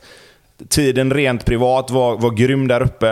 Eh, så att därför så, när, när jag ska välja och mm, liksom första tanken som kommer så, så är det ändå Djurgården och det, det får jag ju stå för här nu. Järnkaminen Tobias Hysén. Jag visste att det skulle komma Sen ska man komma ihåg att jag, det var oavgjort från början. Det var ni som tvingade mig att välja. Så att, eh, Man kan väl säga att det är klart att om Häcken skulle ta SM-guld så, så är det en fantastisk bedrift av dem. Och lite, lite kommer jag givetvis glädja mig då också, men, men håller du en pistol mot mitt huvud och tvingar mig att välja så väljer jag Djurgården. Kommer du vara ett sånt där jävla svin som står med en delad Häcken, delad Djurgårdströja om det skulle stå mellan dem i slutet? Nej, det kommer jag inte vara. Få Det saker gör mig så provocerad som när folk har två olika lag i samma serie. Jag har sett så här NHL-tröjor och sånt där när de där, fy fan. Nej, det kommer jag inte göra. Och jag kommer heller inte heja på något av lagen direkt. Utan det är liksom, tvingar ni mig att välja så, så väljer jag på det här sättet. Men jag kommer inte, kommer inte ha några större sympatier för något av lagen egentligen som inte är Blåvitt. Du ser hellre att Bayern går om och vinner eller? Nej, nej, nej. Absolut, nej, nej, absolut inte. Nej, frågar du mig vilka som ska vinna om inte Blåvitt ska vinna så är det klart att Djurgården och Häcken ligger, ligger först på den listan. Så är det ju. Eh, Blåvitt vinner nog inte. Eh, tror vi väl inte. Eh, 1-1 mot Mjällby utan Marcus Berg. Och eh, var, var det en 2 plus-insats? Ja, jag Nej. vet inte ens om det var, Var det. det det? Om jag ska vara helt ärlig. Alltså det är väl förväntningarna. Man har ju alltid tänkt att när man möter Mjällby hemma, då lär man ju inte torska. Rent chansmässigt så är det väl rätt jämnt och om man bara ser till det så tycker jag att 1-1 är ett rättvist resultat. Eh, däremot spelmässigt så tycker jag att Mjällby är det bättre laget i den här matchen. I hela matchen egentligen. Eh, Blåvitt gick över till ett 4-2-3-1 den här matchen. Vilket jag har, som ni vet, slagit ett slag för en, en längre tid. Och det var jag glad med att se. Jag vet inte om att man bytte ju, Sebastian Eriksson gick in som nummer 10, men det bytte de ju i, i rätt sent in i första halvlek och såg att ah, han är väl mer en sexa Seb nu för tiden, det får man ju ärligt säga. Även ifall han var duktig som tia när han kom fram där så tycker jag väl att med lite skador så har han tappat lite i steget och gör sig mycket bättre i, i sexan-rollen. Vilket jag tycker att de blev bättre när de skiftade och satte upp Simon där. Jag tycker ändå att Mjällby spelar igenom Blåvitt hela matchen. Och har bollen framförallt. Vad säger du Tobbe som, som såg den också? Nej, men jag håller med. Eh, jag tycker inte Blåvitt eh, kom åt Mjällby riktigt i pressen. Eh, de gångerna man gjorde det så blev det ju ändå bra, men det var alldeles för få gånger man gjorde det. Jag tycker det kändes som att Mjällby var övertaliga överallt. Eh, när Mjällby skulle sätta sin press så tycker jag den bet bättre. Blåvitt fick chansa lite mer, eh, förlita sig lite grann till individuella prestationer. Eh, tycker att Mjällbys uppbyggnadsspel, jag ty- som sagt, jag tycker inte Blåvitt kom åt dem i pressen riktigt. Eh, tycker att Blåvitt en period under andra halvlek har det lite mer under kontroll. Eh, men också blir lite...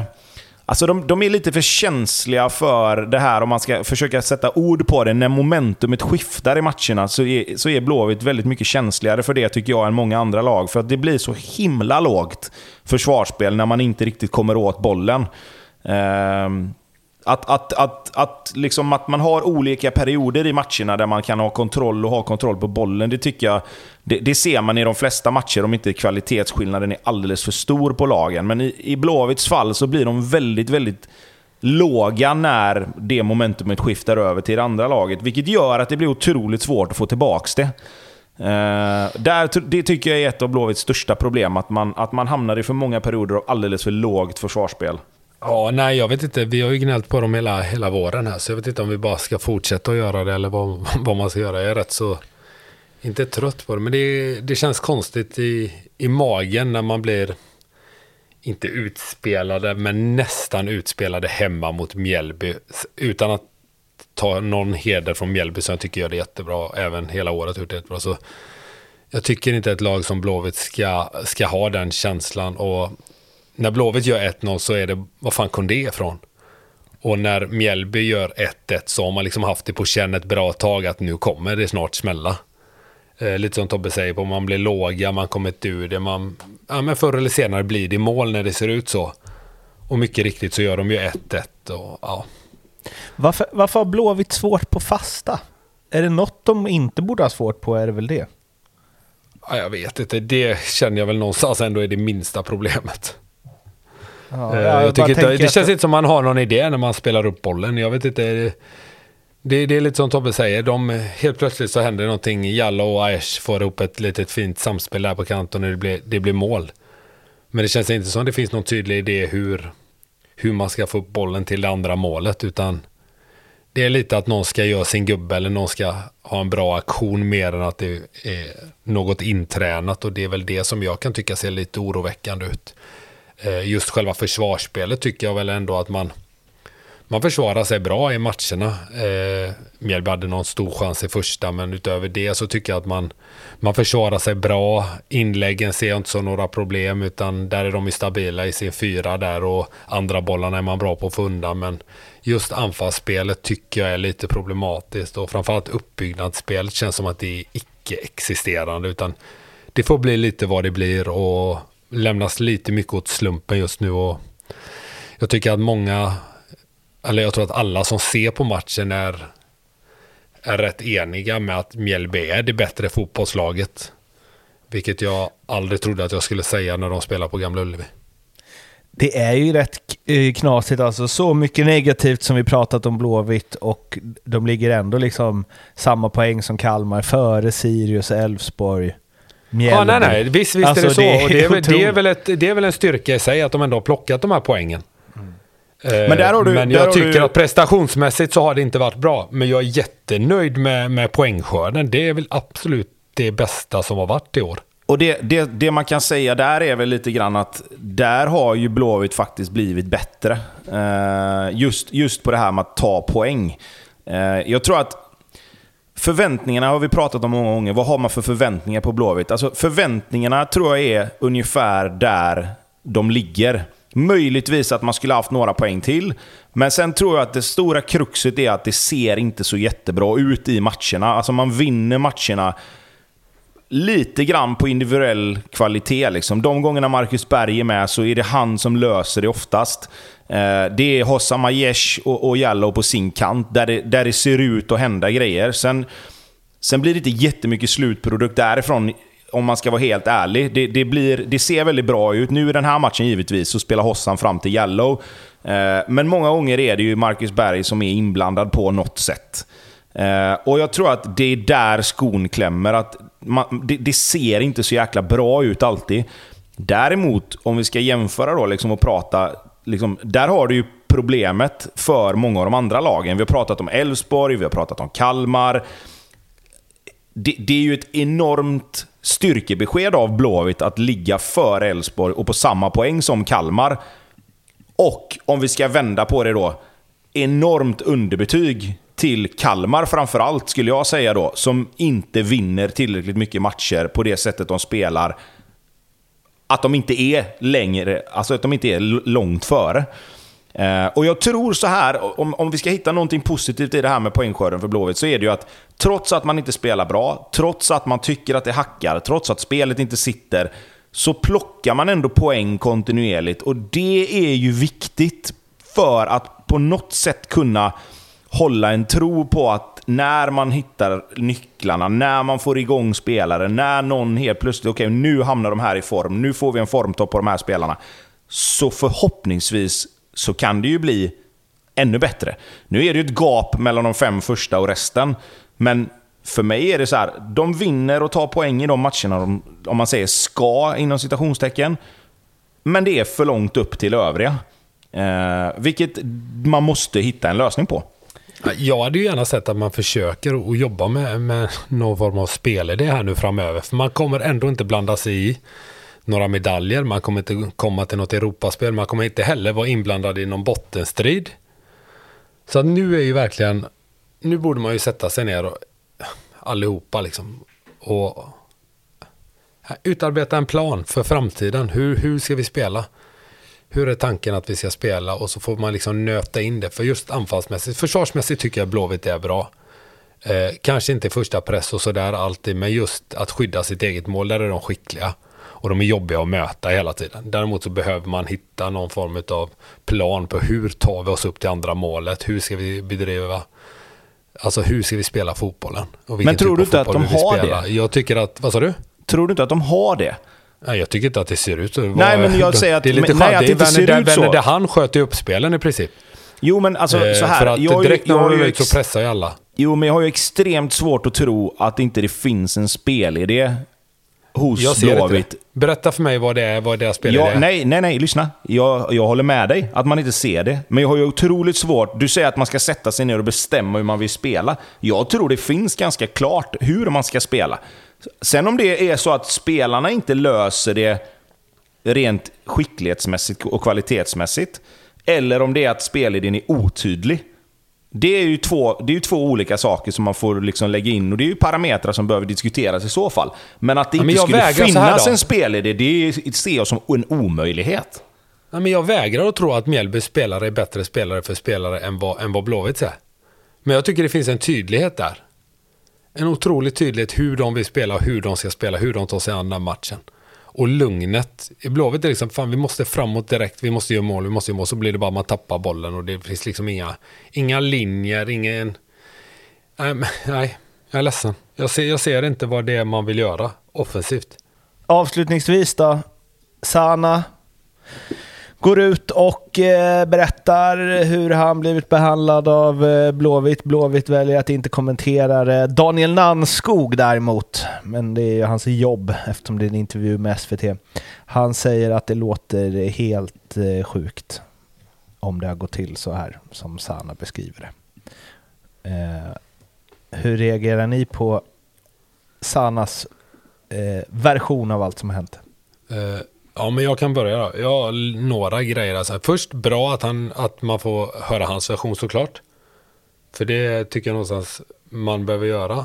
Sen två, när man når en överenskommelse, jag kanske är helt snett på det.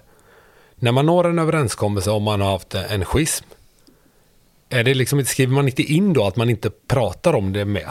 Det är en grej jag har gått och tänkt på. Så här, eh, ja, är det inte det man gör? Lägger man, om man når en förlikning, lägger man liksom inte det bakom sig då? Eh, alla? Jag har inte en aning. Det är kanske bara jag som, mm. som tänker så. Ni Vill du ha ett svar på det här eller vad? ja, alltså, och så tre då kan jag väl bara dra sista. Varför ställer inte den här reporten någon form av kritisk fråga i SVT? Mm. Uh, lite så. Alltså, nej men liksom, inte kritisk fråga, men liksom frågar lite mer. Jag kan tycka att intervjun är rätt det är bara att, att Tobbe liksom eh, står och pratar. Jag kan tycka att, att reporten där behöver kanske... Han har kunnat göra, det mycket, han kan göra bra mycket bättre jobb med den intervjun tror jag och få fram ännu mera när man ändå sitter ner och pratar så. Så ni får gärna take it away här, för att det, det är de tre sakerna jag har tänkt på, på med, med hela, hela den här situationen här. Det som, eh, det som reporten ställer som jag tyckte var bra var när han säger när du gick fram emot Stare i omklädningsrummet, var det hotfullt? Kan han ha uppfattat det så? Men det är väl egentligen den enda frågan som är sån.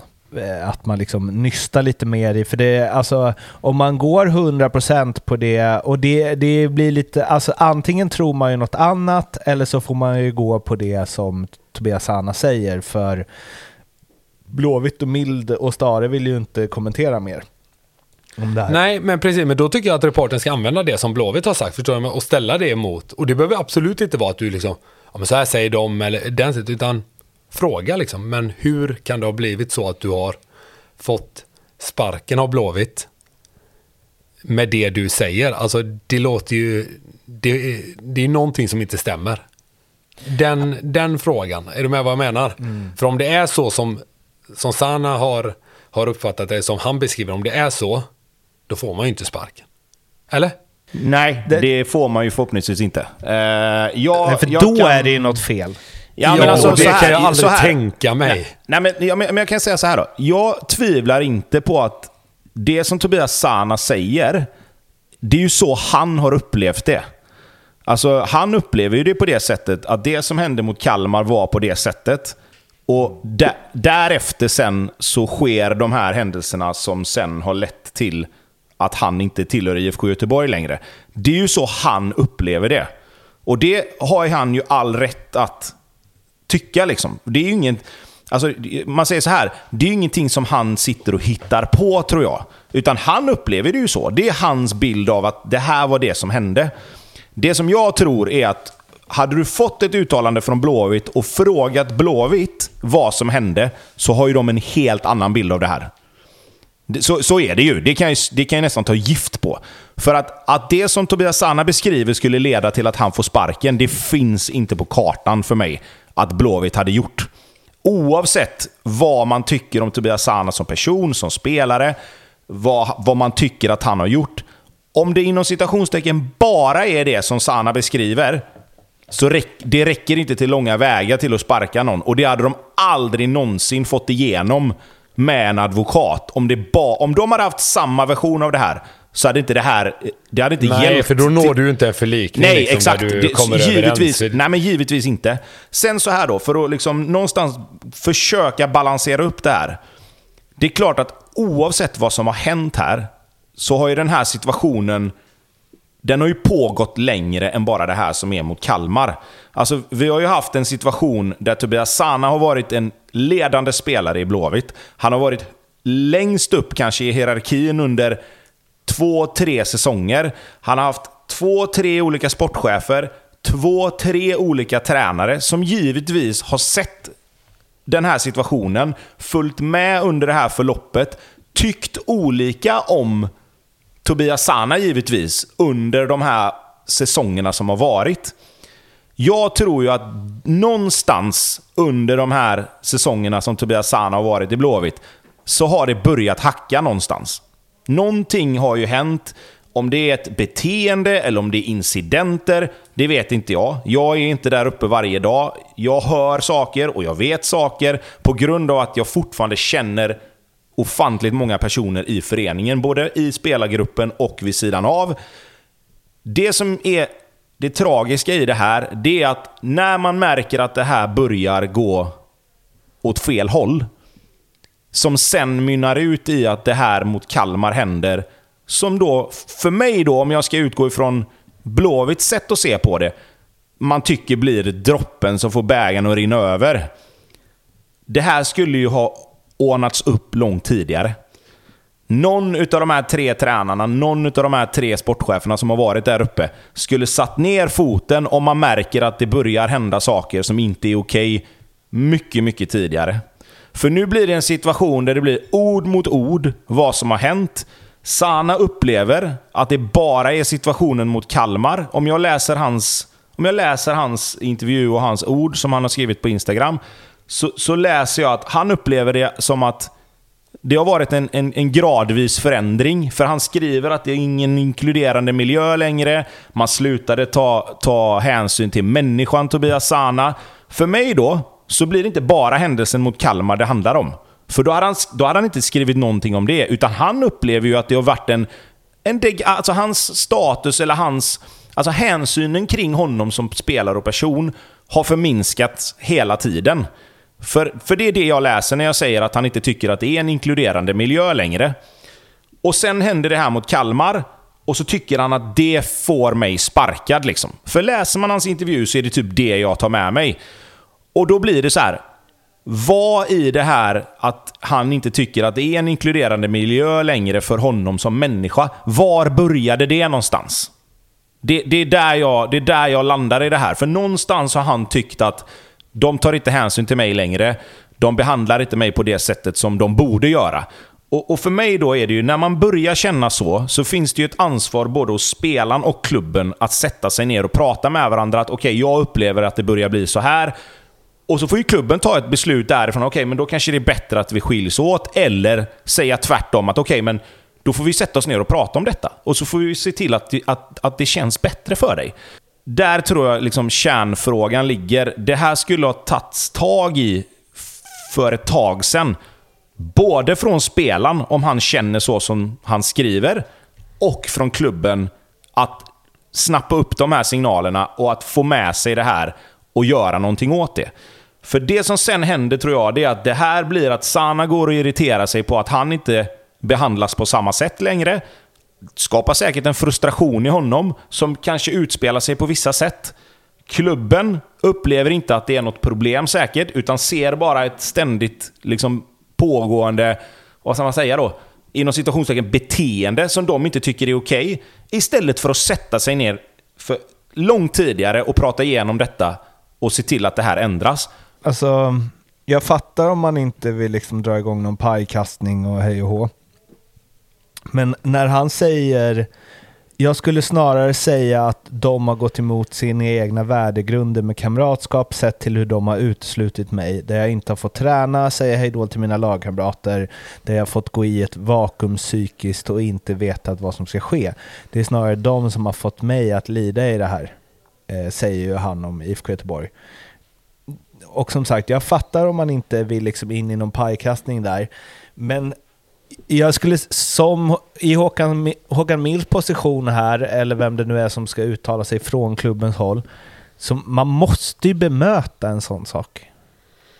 Ja, det är ju det som är. Jag tror att man inte anser att det är tillräckligt, att det här ändå är hyfsat lugnt. Det är inte så mycket pajkastning från Tobias Sanas håll ändå, att man känner att man behöver bemöta den. Men det är klart, skulle det komma en vända till med med någonting, det är klart att man måste förr eller senare rent två sig om, om man säger så. För det ser ju inte jättebra ut. Nej, alltså... nej, det gör ju inte det. Samtidigt så tycker jag nog att man bara, man kommer nog låta det här blåsa över bara. Och jag vet inte vad som är rätt eller fel, men det, i nuläget känns det väl ändå rätt bara sluta prata om det här liksom. Så att man, så man kan gå vidare båda två. Det finns ju bara två, det är ju två förlorare här liksom och det, det är ju båda. Det är både IFK Göteborg och Tobias Anna. Så att, ja. Jag tror bara man vill lägga det här bakom sig och gå vidare, om man kan säga så. Tycker du att de gör rätt där, Tobbe? Alltså det, det, det, är svårt det där, liksom, för att jag kan ju inte alla regler kring vad man får och inte får kommentera kring sin, om man säger personal eller, eller före detta personal. Liksom. Det finns ju massa säkert förhållningsregler kring det här. Eh, I den bästa av världar för att få veta liksom, var, var, alltså var Blåvitt någonstans har tagit det här beslutet ifrån, så är det klart att det är bra om de kan gå ut och säga exakt hur, hur liksom deras tankeprocess och, och, och, arbetsprocess kring den här frågan har varit. Men jag tror inte att man väljer att göra det. Eh, och Det kan väl vara dels för att man, att man inte tycker att det behövs, eh, och dels för att man kanske inte heller vill liksom Alltså, le lek med tanken att, att Blåvitt tycker att Tobias Sana har betett sig som ett jävla svin. Alltså uppe på Kamratgården och verkligen liksom attackerat tränare, spelidé och allting sånt. Att, att det är Blåvitts upplevda situation. Då tror inte jag att man vill gå ut och, och säga det. För att inte liksom kasta skit. Då, då blir det den här pajkastningen att Sana säger en sak, Blåvitt säger en annan sak. Vem ska man tro på? Eh, jag tror att kan man, kan man lämna den här situationen Liksom, Blåvitt måste givetvis ransaka sig själva hur den här situationen har fått uppstå. Tobias Sana tror jag måste ransaka sig själv kring, hade jag kunnat göra någonting annorlunda för att den här situationen inte skulle bli som det blir? Och sen bara acceptera att det här har blivit en olycklig situation. För att kunna gå vidare i karriären och gå vidare som förening nu så får vi släppa det här och liksom internt givetvis ha med oss att så här får det inte bli. Mm. Och Tobias Sana kanske får tänka, okej, okay, vad, vad, vad kunde jag ha gjort som inte får hända i nästa klubb? Om det nu är så att han känner att han... Det kan ju vara så att han känner att han inte gjort något fel. Och, och det, det, det tvivlar jag ju på, helt ärligt. Att han inte skulle ha någon del i det här. För att återigen, du sparkar ju inte en spelare på de grunderna att han ska ha sagt emot en tränare i paus, sen gjort en high five och sen gått vidare. Det, det, det tror inte jag har hänt. Nej, det, så här, det, kan, det kan jag säga. Liksom. Jag tror inte att han det ljuger. Det har ju inte skett. Nej, men jag tror inte där. att han ljuger. Jag tror att han upplever det så. Men jag tror inte att det är hela sanningen. Nej, det är det givetvis inte. Vad är det man säger? Det är aldrig en som träter.